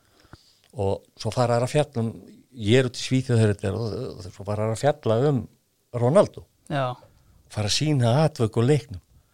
Og það er svona kameran er svona fyrir aftan Dervits þar sem hann stendur í, í varnastöðu á móti Ronaldo og Ronaldo með boltan fyrir framann og ég gleymi ekki hvað ég hlóði þessu það. Og Ronaldo tekur einhverja reyfingu svona fint reyfingu án þess að gera nokkuð við boltan og það sést bara þarna alltaf frá hvað Daði Dervits stekkur til liða út úr mynd og eftir stendur Ronaldo ennþá með boltan í fyrra og svo allt í hennu búm stekkur Daði inn og hérna nei, nei, þetta var svona bara fyndið atrið en þetta var merkilegt að sjá. Já. og það sko ég spilaði nú líka oft æfingaleiki svona á prísi svona með andurlegt á móti brasilískunum liðum. Mm, það var bara eitthvað annað sko energy þarna í þessum, rúkum sko, sko fullt, fullt af ungum og efnilegu strákum sem síðan urðu bara kannski ekki neitt. Nei, einmitt. En vorum allan pakka. Sko. Já, einmitt.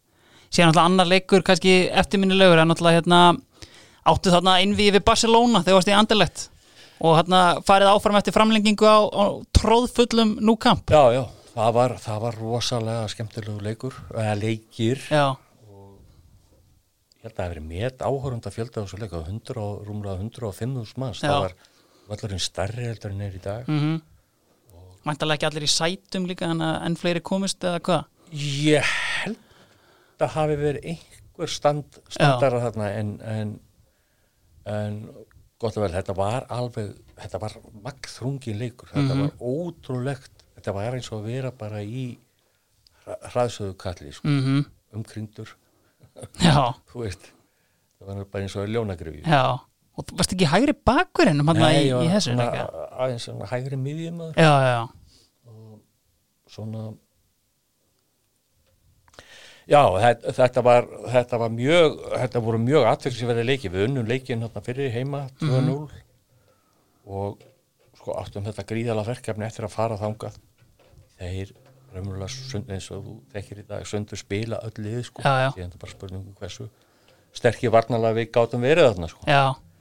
En en hérna svo yfirlýsingarna fyrir leikin og það, það var raunverulega komið fótur og fytarna vegna þess að fósetti Barcelona segir í viðtali sko, við þurfum að komast áfram og við þurfum að fótbrjóta og þurfum að komast áfram. Já, og þetta setti bara UEFA alveg á tætnar og það voru sendir hana eftirlýsmenn og auðvitað frænkvæmt stjórar okkar fóru fram á alveg toppgæslu og allt. Já, en hérna en við töpum sanns að leiknum 2-0 og vorum að mörgu leiti hefnir að, tap ekki leiknum alveg sko. en þetta fyrir framlíkingu og við skorum að hvort það var í fyrir framlíkingunni eða setni maður ekki alveg að Það var öðru korum megin, bara Já. rétt við sko. Þannig að, að við förum áfram. En ég, þú veist, tögnin hérna þegar við skorum í framlenging það var rosa. Af því að það var búið að vera svo yfir þyrmandi þegar þeir skoruðu sko að maður þurfti nánast að taka fyrir eirun Já, það voru svo mikið læti þögnin var ennþá skuggalegri sko. já, og já, þetta, var náttúrulega sko eftirminnilega, eitt eftirminnilegasta mómentið í, í Evropakefni já, algjörlega. Ef við færum þá okkur upp í uh, fremstu þrjá Sóknin er auðvitað líka í búið lengjunar. Lengjan er uh, lukkusprengjan í þessu öllu saman og er að gefa fólki alla þessa frábæru stuðla en á sama tíma að skila ótrúlegum peningum í íþróttastarfið uh, allir vinningar skatt, frjálsir, langbæsti staðurinn Arnór, ég var að byrja bara út á vinstri kantinum. Franki fyrir Káturinn Já, þetta er líklega besti leikmann sem ég spila með þar að segja hvað var það samspil mín mín og hans. Já, vinstri fótar, útherji landsleismadur, Mhm. margra ára fyrirlegin hjá okkur. Litli prinsinn. Réttli prinsinn og er enn í dag gríðalega virtur. Mm um, það var einhver, einhver, einhver skilningur okkar á milli að ég sko, ef hann var með boltan Arnum fara bara inn í teik, hann kemur. Já. það bara stóðst. Ég, fyrir mig var bara að finna þessa, þennan, þetta svæði í teiknum til þess að mæti -hmm. og boltin kom. Já, og, og ég skoraði held ég einhver, sko, 13 mörg af þessu 19 held ég bara í gegnum hans já, meira og minna. Hann 87 Já. Já, einmitt. Og ekki það, ekki, veist, ekki bara því að hann var svo góð með mér heldur var hann búin að vera þarna í mörg ár og, og að ég held var Evrópameistari með þeim sko í ústættaleik við Rapid Vín á sín tíma Mhm. og, og hérna sterkur persónuleiki. Og svona fyrir náðungi algjörlega. Ef við nýtum kannski hennan tíma er náttúrulega að fara aðeins yfir hérna, tímaði með landsliðinu. Sko, fyrst þarna í hóp uh, ekki mútið dönum, 78 þegar þú fyrst getið hóp. Já, Já, hérna síðla sumars 98 þegar þú kemur 78, 78 já. einmitt, þegar þú kemur hérna einmitt eh, inn í hópir hverjir eru svona leikmenni þarna sem að hérna, úst, náttúrulega með kassan úti eftir gott tímabil sko, en, en þú veist, svona einhverjar fyrirmyndir eða svona, veist, stóri kallar hann sem á Já, náttúrulega komin hérna, sko Áskil Sigurvinsson náttúrulega. Mm -hmm. er, er raunverulega fyrirmynd okkar allar á þessum tíma hann er eini sem er úti Jóhannes Eðvalds fór nú eitthvað setna varna maður til Sjeltík en, en Áskil var svona góðið okkar Já. sem voru, voru vorum að stíga upp úr, úr yngri flokkunum mm -hmm. og yfir í meistarflokkjum og jújú, það voru fleiri Martin Gesson var nú þarna fyrir tíma og, og, og hérna Alli Eðvalds, Pétur Pétur komin inn í liða á líka mm -hmm. Margir flotti strákar sko mm -hmm. Það er alltaf gerist svona þú spilar auðvitað með landsliðinu í tíu ár án þess að vinna leik hvað svona, þú veist þetta er, vinnur fyrsta leikin hann að 89, svona, þú veist var þetta eitthvað sem þú pæltir í almennt svona eitthvað að þú veist þú bara vinnir ekki leiki eða þetta er 26 leikir eða 28 eitthvað svolítið ég, ég viss, ég viss alltaf af því að ég hafði ekki unni leik en hversu margir er voru það var ég ekki búin að gera mig grein fyrir hendilega sko, fyrir maður að fóra að telja sko. að vísum, jú, jú, það voru eitthvað að jafntöflum og svona, já, já. góðum jafntöflum það sem alltaf svo fyndið að sjá er sko að skoða hérna bladaumfjallina á þessum tíma þá er ekki að sjá að þetta fyrirsagnirna sko rísa stórar eftir eitthvað góðu jafntefni sko. Já, já. Það, veist, þetta er á þeim tíma líka þegar að í þessu leikjum sko við þóttum þessi litla þjóð sem ætti hvað sem er enga möguleika þetta var svona hugsun já. ekki bara, þú veist út í heimi heldur hérna heima líka sko já. Þannig að þessu leikjum ef við fengum hot, það ætlaði alltaf að vera vitlist upp í stúku sko. Eða, eða yngast nála, nálagt marki sko. það var bara stór hægt á fæstur bara mjög en, en þetta var svona daldið þannig þá. Og, og hérna en, en sko ánægina fyrir að koma heim og spila þessar landslíki var alltaf til staðar. Jafnvel þó ef þetta væri á hæsta þetta var eins og vítaminsbrauta bara úr þessum erfiða heimi þarna úti. Þetta, þetta gaf manni svolítið svona endur hendi orkuna sína alltaf aftur og hitta strákana frábæri félagar í þessu. Mm. landslega hefur alltaf verið alveg sama hvernig þið fóru þessi leiki það voru góði félagar og það vant aldrei baráttuna enni svoleið menn mísjaflega fókbaltalega getur miklu. Já já Þannig var það bara og, og, og, en ég held að engum hafi dóttið hug við skítöfum hvað sem er, ég ætla ekki að mæti næsta leik, það var aldrei einhver svona hugsun. Nei, nei, nei, það er bara að mæta. Það er einmitt það sem maður, maður kannski svona veist, staldra við, en alltaf að þú spilar haug af landsleikum, þetta eru 73 leikir á sama tíma og maður til dæmis eins og Ásker Sigurins spila 45 leiki, það er bara erfitt að fá sér lausin en þú veist þú gafst þig allan í þetta skilur, eða var þetta oft stappa að fara í þessa leiki eins og kostið náðan kannski sko, þetta, þetta voru nú tiltölu að fá skipti sem að, sem að kannski það rekst eitthvað á Já. við leiki úti en auðvitað var þetta aldrei frumskur það var orðingar reglur í sambandi við nei, nei. En, en menn vildu náttúrulega bara mæti í sína landsleiki og, og, og allt það sko mm -hmm. en ég veit ekki það, þetta var bara svona Já Einmitt. Það er kannski aðeins sem maður langar kannski að hérna, velta upp með þér sko, ef maður les aðeins einmitt í miðlana og umræðina í kringum landsliði, fjölmiðlar og annað það er mikið tala veist, og bara eins og komst inn á, menn, það er ekki margir atvinnumenn á þessum tíma en, en þeir leikmenn eru yfirleitt tillaðir útlendingahersveitin á svona, þú veist hálf niðrandi hátt og svona verið að spurja hvort er yfir höfuð þurfið þessa menn og annað, þú veist, var þetta eitthvað sem smitaðist inn í leikmannahópinu einhverjum tímapunkti eða svona einhver kerkja með ákveður því var þetta eitthvað að koma heim og spila sem var þetta glórilegst að velta þessu upp í dag sko, en veist, var þetta í svolítið stemmingina? Nei, nei, auðvitað fann maður fyrir því það komu móment þar sem bladamenn voru kannski að velta þessu fyrir sér. Já. Að við unnum hvað sem er enga leikið væri þetta einn möguleikin að láta bara þessa íslensku stráka sem eru hérna heima að spila Já. kannski þekktu hvort annan þá betur líka sko. mm -hmm. og, og, en auðvitað sko í dag ertu með hrúu af atvinnumannum þess að þekkja hvernig hugsunin er og það er auðveldra fyrir þá að koma saman í dag já, já. það er nóg að séu tveir, þrýr leikmenn í einhverju liði sem spila hérna heima eru valdir í landslið með þessari útendinga hessum og það er bara nóg í dag til dæmis, ef það er einna, tveir veiki hlekkir, þá er ekki vona úslit Nei, það er alveg rétt. Herðu, færum okkur þá bara aðeins hérna yfir í hægri kantin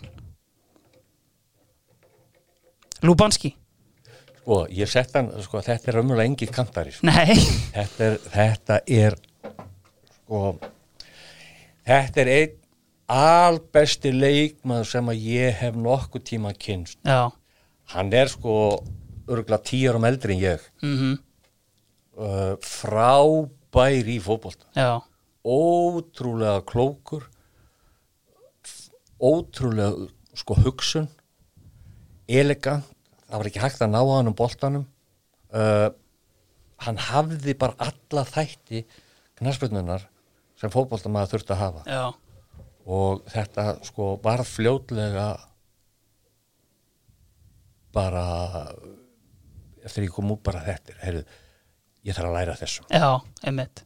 Af því að maður fer þarna út ungur og, og það góða við að þjálfarinn sko af því að þegar ég kem út í byrjun þá vantar mig ákvæmna grundþætti mm sem að maður hafi kannski ekki öðlast hérna heima og þurfti ekki að nota af því að maður veist, hafi aðra þætti sem Já. voru afgerandi þá og maður notaði -hmm. en þarna úti þá verður þetta bara erfiðara Já. að lifa bara þessu sem ég gerði hérna heima og þannig að hann sett, það voru alltaf tvær vik, nei, tvisari viku, tvær æfingar á dag og hann tók alveg þrjá mánuði þar sem hann setti mig og hann saman og hann var bara að kenna mér, Já. hann var bara að sína mér Mm hann var bara að kenna mér að hugsa hvernig hugafæri þarf að vera og allt þetta. -hmm. þessi strákur hann var að spila í heimsmeistaramóti með Pólandi 74 ef ég er ekki að ljúa þér. Mm nei, ég held að sé 74 þegar Póland verðar ekki þriðasæti á móti? Hann er sparkaður niður af Raumak Farland held ég bretti sem var eitil harður Já, og hann fótbraut hann. Já, en hann var búin að vera vist frábær ég segi þá er Greg Olato sem Einmitt. ég spilaði nú líka setna með hann, hann var markaðistur á þessu móti. Já, einmitt. Í, í endakemni ég var þetta í Þýskalandi? 74, jú, 74, allir það ekki, jú. Og, en þú veist sko fyr, fyrir strák eins og hann hann sagði mér söguna því að sko, þegar hann er á besta aldri í Pólandi og er að koma upp sem þetta ríkala efni og, og, og flottur í fótbolta þá vildi Real Madrid fá hann. Já, en það, þetta var náttúrulega kommunista ríkja þessum tíma, Já, það fekk engin vísa til að fara úr landi. Nei. Hann spila náttúrulega hill lengi þarna í Pólandi einmitt, er einmitt sko enn þann dag í dag, 55 ára gammalt með yngsti markaskorarinn í hérna, meistaradeldinni eða fyrir hennar þess. Já, já, það var alveg stórkostlegu sko. og hérna en, en ástæðan fyrir því að það er eftir þetta fótbrot mm. að þá fengur að fjekk hann einhverja tilslökun á því að, að koma koma út í Evrópu Já. að spila og það var líka vegna þess að fórseti fórseti lókurinn á þeim tíma var með einhverja plastverskmiðju Já, hafði útibú í Pólandi Ok. þannig að hann hafði einhver pólitísk áhrif til þess að fá þennan leikmann yfir ok og hann var alveg orðin góður á sínum meðslum og, og er, ég myndi segja bara af þessum leikmenn sem ég spila með mm. hvað sem hann er bestur eitthvað svo erfitt að skilja hver er best Já, já, en mitt uppáhald sem ég spila með, það var þessi algjörlega Loti, Vlutsemirs Lóbanski Vlotek, nákvæmlega. Herri, uh, þá er bara einn maður eftir hérna til að loka liðinu og áður en við förum í strækjarinn upp á topp. Uh, sko, Dominos, okkar menn, uh, þeir velja líkilmannin sem er einmitt strækjarinn upp á topp uh, í hugum Dominos, en, en Dominos vildi ræða einn sóknamann hérna, uh, Luke Nillis, sem að ég held alveg örglega sé eini leikmaðurinn sem sagt ekki þá, ef við tökum frá valstíman hjá þér og Eyði, ég held að sé eini leikmaður sem spilaði með eitthvað báðum. Getur það ekki staðist eða? ég held að Mark de Græse Já, hafi líka, hann var hjá Anderlecht og fótt í PS og já, já, já. Eh, ég er ekki vissum kannski að Eður hafi náðu að spila með Nei, hann var það ungur sko, ég maður ekki. Hann mm. allavega Lugg Nílis og En Luke Nilli sem er sko, veist, raðaði inn fyrir Anderlecht, raðaði inn fyrir PSVaf og veist, leikmaður sem sko Ronaldo brasilíski hefur nefnt bara sem bara einn af sínum uppáhalds strækpartnerum, hann er ungur hann þegar þú ert með Já, hann er keftur hann er keftur mjög ungur til Anderlecht. Og opaslega flottu leikmaður mm -hmm. þetta er sérstaklega karakter Já. svona svona egoistist þengjandi Já. og kannski það sama og, og um leikmann sem við tölum um á eftir en, en það er svona yfirleitt skoraði þessi drengur frábær mörg Já. þetta er svona, myndi ég segja eini gæin í dag sem er betri en gilvi í skotunum eða var betri en gilvi í skotunum. Og Hann það var alveg saman hvort það var fríspark eða, eða spinnur utan af, utan af velli sko. Já. að það sem þessi drengu gaf smelt honum var raunverulega ótrúlega sko. Hans eina markið mitt sko, hann fótt til Aston Villa þar sem hann einmitt lendir í hræðilegu fóbróti sem hann alltaf bara endar fyrir hans. Og hans eina mark í hérna ennskúðlarteldinni er gjörsanlega glæsilegt, ég hendi því inn á miðlana einmitt sko, en þú veist Það er ekki að móti Chelsea. Gott ef ekki. Jú, ég, held að, ég held að þetta veri leikus að Chelsea tapaði á þessu ári sem að eru örðu meistar ef ég er ekki að fara. Já, mögulega var aðeins fyrir já, já, geti, já, geta verið fyrir já, Ég manna ekki nákvæmlega, en einmitt, þú veist bara geggjaður gæi sko. Já, já, hann var frábær og hérna hann var frábær, ég, svo veist við, við áttum ágjörlega saman og, og hann var eftir þetta fótbor og þá þá, var, þá, þá fekk hann eitthvað ágáðuleik í Belgíu Já. og bauð, hann bauði ringdi í mig og bauði mér um að, að koma Já. ég svona var í smá vandraðum og komst ekki sko. en það var áprostlega sérstaklega karakter og, og frá Limburg í Belgíu eins og það kallaði það svæði mm. og, en hann var alg, algjör kongur Já, sko. Einmitt, nákvæmlega. Sko Dominos er með þetta tríó, ég glemt að koma því að uh, og þess vegna er þetta í rauninni kannski þrýr sóknumenn sem langar til að ræða þetta og komst aðeins inn á Gregors Lato á þann hann er náttúrulega orðin kannski rúmlega þrítu þegar þú kemur þann til lókar en það ekki. En, veist, Var þetta meir en bara þetta heimsmyndstarmóti? Það voru alveg gæði í jónum með það? Voru ekki mikið fótbolllega gæði en það, þetta er bara einn af þessu leikmannu sem fer áfram á dugnaði. Hann gætt hlaupið endalust mm -hmm. og skoraði nú eitthvað að mörgum hann já, já. hann, hann svona fókbóltalega mm, ekkert sérstakur. En hann vissiði alveg sjálfur sko. já, hann var alveg meðvitaður um sína styrkleika og hann nýtti þá alveg út í bótt þannig að hann varð alltaf samt sem áður hann var keiftur svona dálti til þess að skora gerði það ekki Nei. en var bara þá notaður í annað. Mm -hmm. og hann gerði það rosalega vel. Mm -hmm. vann fyrir liðið eins og hestur. Já Þessi er alltaf saman, góði gaurar. Já, Já.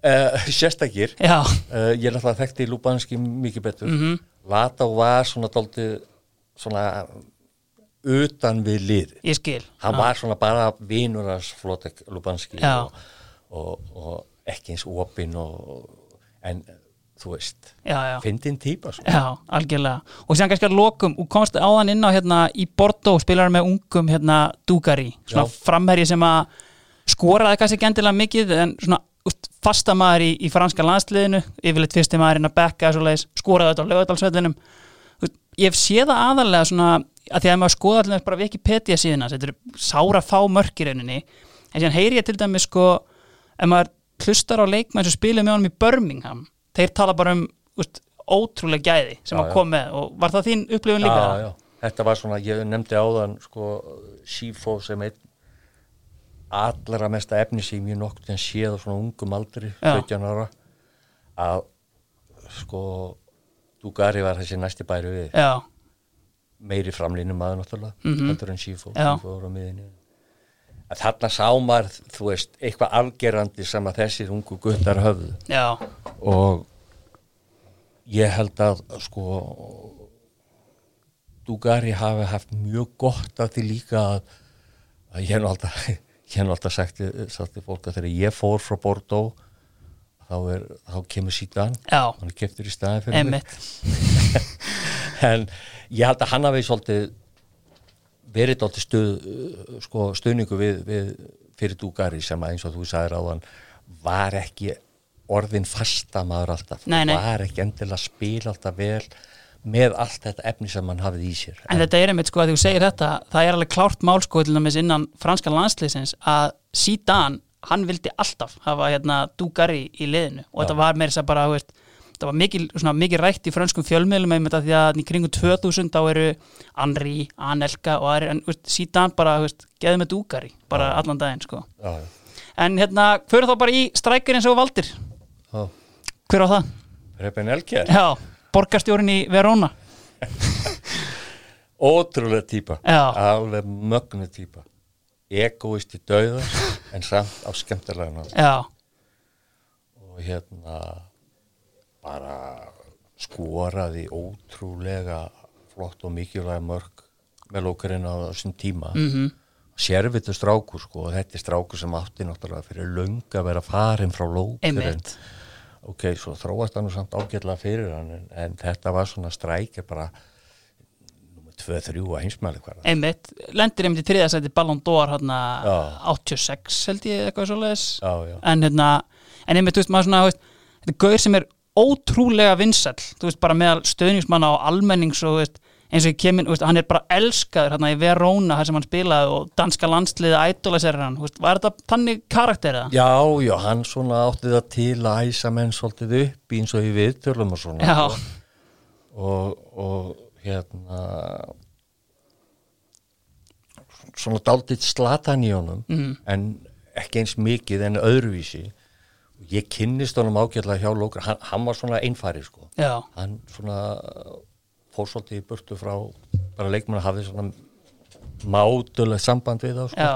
en við aftur á móti kynntust ágjörlega og, og hérna vorum að settir veist, í, í þá daga fórum við alltaf inn á hótel fyrir leiki, dagi fyrir leik Já. og þá vorum við settið saman inn á Herbergi og gæin rikt eins og strax sko. tvo prakka að prins á dag sko. ég bara veist, skildi það lóks, það vildi enginn vera með honum í Herbergi ég unga barni láti bara með honum Já. það var algjör kvöl sko.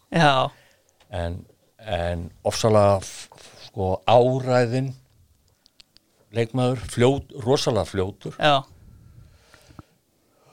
egoist á köflum hann, hann átti það til að eðilegja leiki já. með því að geta gefið boltan það var ekki oft sem betur fyrir en, en, en þú veist, þetta er svona gæði sem maður bara varða að velja vegna þess að hann, hann var einstakur já. á margan hátt. Algjörlega. og eins og þú segir, Danir elskan það er svona aldrei fyrir hans það var alltaf ofinn og hann tjáði þessi bara reynskýri held ég samt um bara hlutin eins og voru. Og ef að það þurft að einhver persóna var fyrir óþægileg heitum yfir því sem hann var að segja þá var það bara þannig. Já, einmitt, nákvæmlega. Sko við ræðum aðeins bara hérna þessi síðustu ár hérna tíunda áratugin hjá þér. Þú ferð þarna frá þú ferð frá Bordeaux, þetta er náttúrulega veist, eins og þú segir, sko sítan kemur hann inn fyrir því en þú veist, þetta er náttúrulega hundleiðilegt sko að hérna að því eins og komst inn á, leið vel í Bordo og Bordo komir aftur upp í eftir deild og þá kemur þetta mál bara með að Bordo er ekki búið að greiða anderlegt, þú er bara dæmdur í rauninni í eigu anderlegt aftur, þú veist, sárt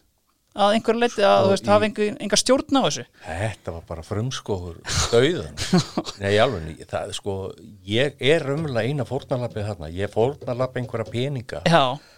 og það, það með ólíkindum raunverulega þessar ákvarðin sem voru teknar af sko, rannskangnarspillinu sambandinu FIFA sérstaklega. Já. höguðu sér alveg eins og ég veit ekki hvað í þessu móli auðveldast að hefði verið andar þetta kröfur á þetta félag. Einmitt. skilur við Þetta félag segist ekki vera Bordo sem keifti Arnur, heldur þetta ný, nýstofnað félag. Alveg þetta var skipt um stjórn þarna og eitthvað svona. Já, já, já og eh, nafni breytist líka já. og dæmdi niður um deild og mm. þeir segja sig ekki vera skildi, þeir sé ekki sama Bordo mm -hmm. og, og, og standa því þess að ætli þeir sér ekki að borga fyrir. Já. Þá tekur FIFA þess að ef við gerum það ekki, þá er hann að fara. Þeir bara, þá fer hann bara guðsfegnir, sko. Ég er hann 32 ára gammal ég menna og, og, sko, með tvö ár eftir að samning? Tvö ár eftir að samningi að auðveldast að hefur verið að stilla allavega öðru hverju fyrir vegna segja bara því þeir að borga punktur. Mm -hmm. það var náttúrulega þokkalega mikil peningur þá einhverja 70-80 miljónur á þeim tíma. Mm -hmm. uh, en sko ég ég er sá sem að síðan á endanum sko blæðið fyrir þetta. Það er náttúrulega málið og, og hérna ég fór í mál við bort og út af þessu tveimur á sko. svo, svo er það annað sko, fyrir, í augum FIFA þá er þetta samt sem áður sama félagið já, já. þó að í Fraklandi sé þetta orðið nýtt félag en þá í augum FIFA er þetta ennþá Bordeaux, Bordeaux. þannig að sko auðveldasta ákvörðum fyrir þá hefur þetta að segja bara heyru, því að borga pening hérna sem við skuldið til andilegt punktur Já, látið Arnó Guðjónsson í friði Algjörlega. Já, einmitt. En þá einmitt svona tekum við hérna eins og segir, orðin 32 ára og kannski einmitt lítið hérna úr að móða og, og ferð þarna til Svíþjóð. Og verður bara besti leikmæðinu þar. Já, ég, ég, meina, ég, er, ég er bara ég er bara dæmdur í burtu Já. frá, frá Bordeaux sko af, sko af knaspetnursambandi Fraklands Já, þeir gef ekki lengur út leifi fyrir mig. Já, ég hafði ekkert að gera með ég kom hérna heim. Já byrjaði að ræða hérna í íslensk félögum þetta var nú, hvernig var þetta? 92, 3 eða ekki? Jú, Já. en, en já, 93 held ég. Já. það er kom, þú veist, tímabilið byrjaði núti, ég er einhver meðslum og er að æfa, æfa samsam áður út í bortu áður en ég ferð síðan og tek mér hafast það sko fer heim sko, Já, einhver tíman í oktober, november eða eitthvað. Og kem heim og byrja einhverju viðræðan við Íslands félögum framaldi, ég, veist var ekki byrjað að pæli hvað ég myndi gera, hvort ég ætti bara að fara að hætta eða hvað, sko. Nema Gunni Gíslason bróður Alfreðs einmitt. sem var hjá Hekken í Svíþjóð hann ringir í mig og spyr hvort að ég myndi hafa áhuga að spila í Svíþjóð. Já, svona aðeins að forvætna spytur um það og spyrja hann hvernig fókbaltin er og bla bla bla og en allavega það verður úr að, að, að sko ég flýg út í Gautaborgar og, og hitti þjálfari Hekken Ræni Almqvist. Og hann telur mig á það að, að prófa þetta. Komdu bara í eitt ár. Já, og til að gera kannski langar svo stutt að þá eru þetta sex ár. Já, einmitt og mér leiði rosalega vel í Svíþjóð. Mhm. það, það var eitthvað, eitthvað andrúsloft þarna sem að sem að var gott og, og hérna, fótboltin ekki náttúrulega sami sömu gæði eins og út í Evrópu en sko, alveg jafn erfiður samsam áður. Vel þjálfaði strákar þarna og, og, og erfitt sko. Þannig að, að það tók mér töluverðan svona tíma að aðlaga já, og það svona, ég gleymis ekki. Á tímabili kom með hausinn niður skotin hvað er maður að gera hér? Ánga til ég barið bara í borðið og segir þau bara af stað. Já og það var heldur betur gert. Já. Fær síðan til Örebró árið eftir og þú veist, einmitt mjög farsæll tími þar. Já, sko Persónulega, á- kannski, sko, já. ástæðan fyrir því að ég fer þangað þegar sko, Örebrú raunverulega þetta var einn af einn af fáleikana sem við töpuðum að heimavelli fyrir. Og ég var rosalega hrifin af fótbolta hjá þessu liði. Já. það var alltaf strákur frá Íslandi Linus Stefans Mhm. og, og fleiri góðu strákar ég, ég var svona hissa þeir fóru að berjast í fallin flotta fótboltalið og, og, og hérna.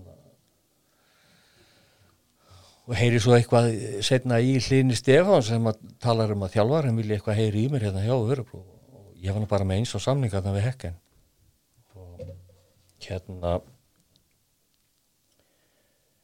nema það að þeir koma bara með þetta skínandi tilbúð til mín og vilja fá mig absolutt og, og sjá mig sem mikið var hlekk hérna í, í betri árangra í félaginu. Mm og það verður úr að ég slæði til. Og tekur þar næstu fimm árin eða, fjögur? Ég ætla að hafa ekki verið já, komið á fymta ár Já, það einmitt.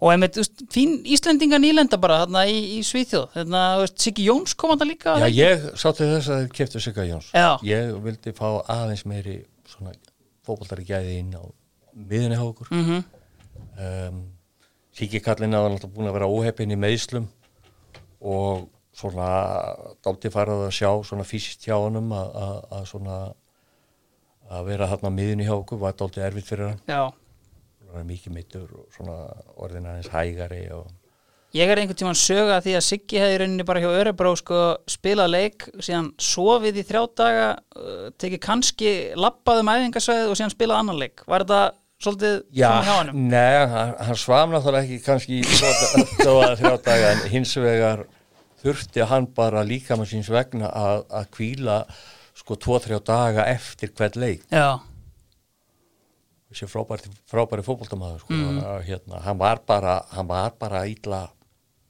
ítla á sig komin bara af fyrri fyr- fyrri hluta hans fyrir sko, sem að hann verður mjög óheppin og lendir í alls konar meðslum og ég heldur svona erfiðustu meðsli kannski sem hann hafi lendið í þessum tíum voru einhver bakmeðsli sem að enginn vissi hvernig átt að höndla held ég og setti bara í gifs og, og rýrnaði og varða einhver já, Nei, ég mynd, þetta, voru, þetta var náttúrulega frumskóður í þessum sjúkra þjálfunamálum á þeim tíma.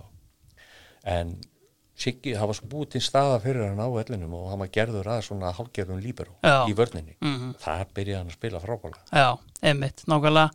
Sko síðan alltaf bara kemur heim hérna á endanum 37 ára, uh, rúlar upp deildinni auðvitað, uh, yfirbúra maður hérna í val, sko þeir eru á botninu þegar þú kemur, þú veist, las nú viðtal við það sem hafa bara reynskili svara Valur hefði búið best, en þú veist, hérna kýtlaði ekki til dæmis Eiður var hann að koma inn í káar kýtlaði ekki að hérna, kíkja þangað? Sko, Og spila með ég, Eiði? ég var, í, ég var líka í viðræðan við Káar en það bara drossa á langin og ég var á leiðinni heim. Já, það var eitthvað það eitthvað eitthvað svar að, Bjöggi gamli sem var þá aðal kallinn í, í Káur var ekki á landinu Já. en var vona á honum heim og ég beði um að býða en ég gat, gat ekki sko gat ekki beðið mikið lengur. Nei. Ég náttúrulega þekkti var líka miklu betur en Káur ég hafði sko þegar ég var út í, í boltanum að þá í fríum á sömurinn og svona þá æði ég alltaf með val. Mhm. gaman að vera þar og svona, þekkti ágætlega til já, ég fannst bara ég var ekki að hugsa um titla koma heim og Ég nei var komin á það stað að ég var bara að njóta þess að spila fótbolta. Ég hef ógeðslega gaman og hef alltaf gaman að spila fótbolta. Mm og Valur var bara úr. Jú, ég skal, skal viðkynna það væri nú gaman að gera eitthvað. Þeir voru nú aðeins með þrjú stig þegar ég gerði það heim.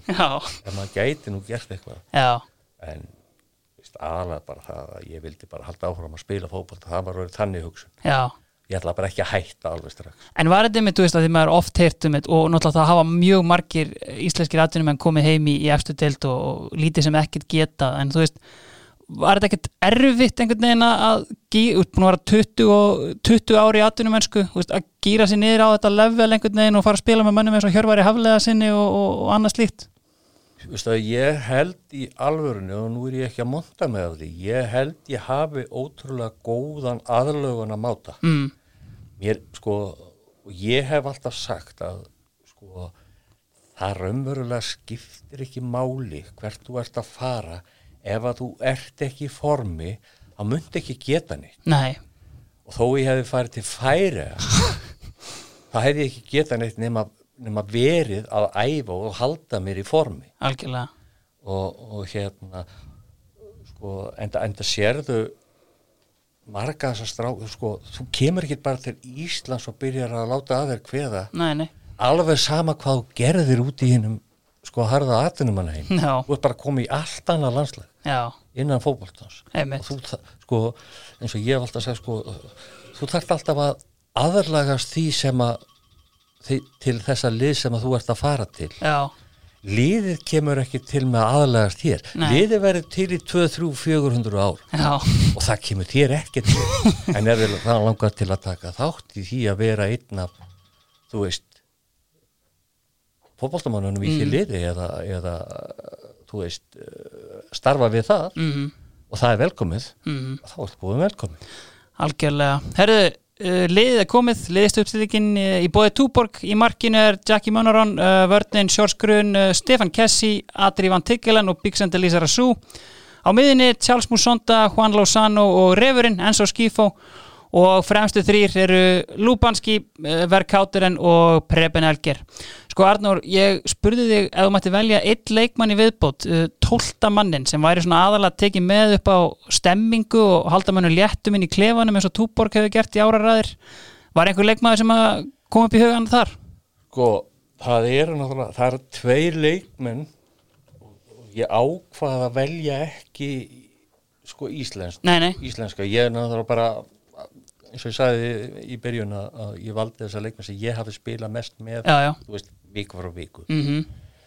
og en ef við erum að tala um búnisklefa stemmara Já, að þá var Alli Eðvaldsson algjör snillingur. Hann var snabir álaður skemmtilegur en of, ofbúsla bjarsýn og jákvæður alltaf. Mhm. hann trúði alltaf á sigur. Alveg saman þú fóru síðan að vellu með 4-0 næsta leik tökum við þetta.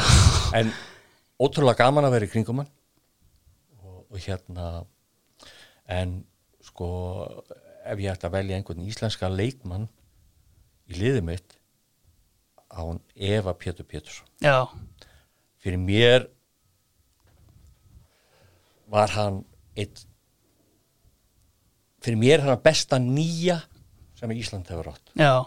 ég ætla að segja það þannig. Mm Og bara, veist, ef við ætlaðum að spyrja það því, veist, bara bestu íslensku leikmændi sem spilaði með í landsliðinu, Pétur bara eftir á blaði eða? já, ég myndi segja það. Ég spilaði náttúrulega sko, spilaði náttúrulega með áskeri í Sigurvins Já, en hann svona kannski hann, við spilum ekkert marga leiki saman þannig laga ég, ég og Pétur vorum alltaf saman hann og náðum ágætlega vel saman og, og svona fyrir þetta hvað mér fannst Pétur hrikalega góður. Já, að, en auðvitað úsliti síndi það kannski ekki leikjónum skilur en, en, en þetta var svona eitt skemmtilegasta leikmaður að spila með. Já, algjörlega. Og kannski bara svona aðeins í lokin þú veist, ég meina ég er með þig hérna og ég meina þú veist, þú segir fyrst í viðtali í Belgíu þegar Eyður er svona valla byrjaður í, í grunnskóla að hérna, þú veist, markmið þetta í fótboltanu að það er að spila hérna landsleik með, með sinni mínum.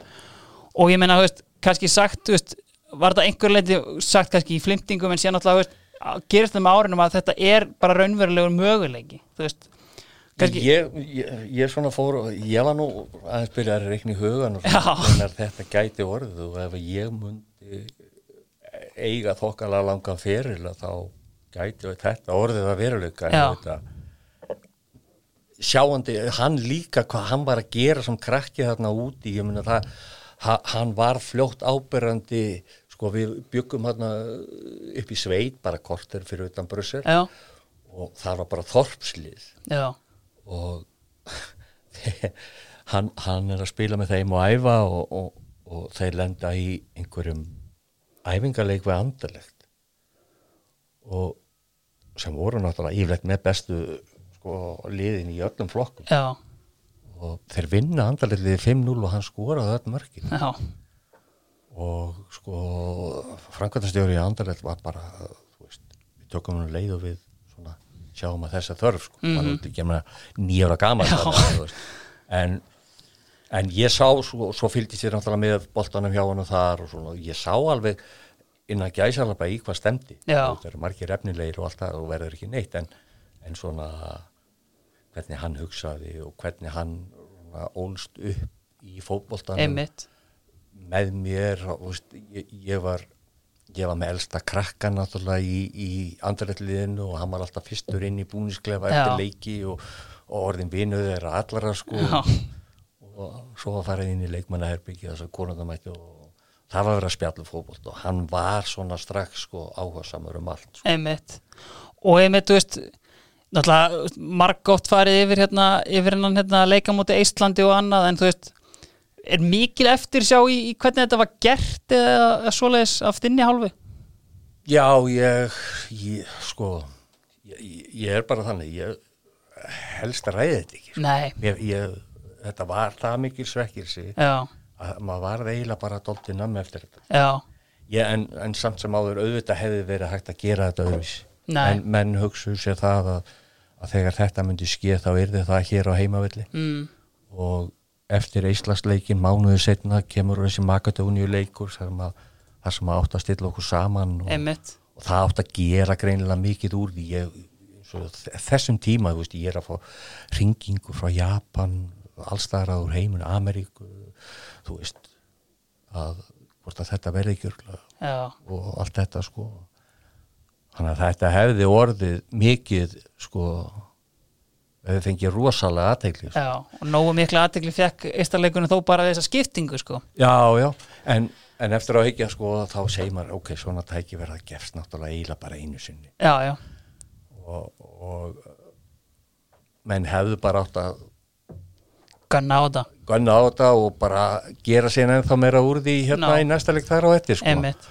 Hvernig var sann svona hérna bara að vera með síni sínum í, í landslýsferð og í, í liði var, var hérna, erfitt að svona kannski stimpla sér út úr pappa hlutverki og, og færa sér yfir í liðsfélaga hlutverk eða veist, var þetta eitthvað fyndið að Nein, ekki? þetta er bara eins og fekk að fara í vinnuna saman. Þú veist, það er mikið um það hérna á Íslandi menn vinna á sama stað sko. Já Nei, neina, auðvitað, þú veist, síðan mætu við og, og ég fer inn í hópin og eldri, eldri mönnunum í landsliðin og hann svona inn í yngri hópin. Einmitt. Neina, þetta var ekki derfið, þetta var bara mjög gaman. Þetta var bara mjög gaman. Arnár, ég hef búin að halda þér hérna helviti lengi, en uh, ég held að við séum bara tæmtir og ég vil bara þakka að kella fyrir komuna í draumalið. Takk fyrir að hafa mig. Þjóðlast á draumalið í bóði lengjunar.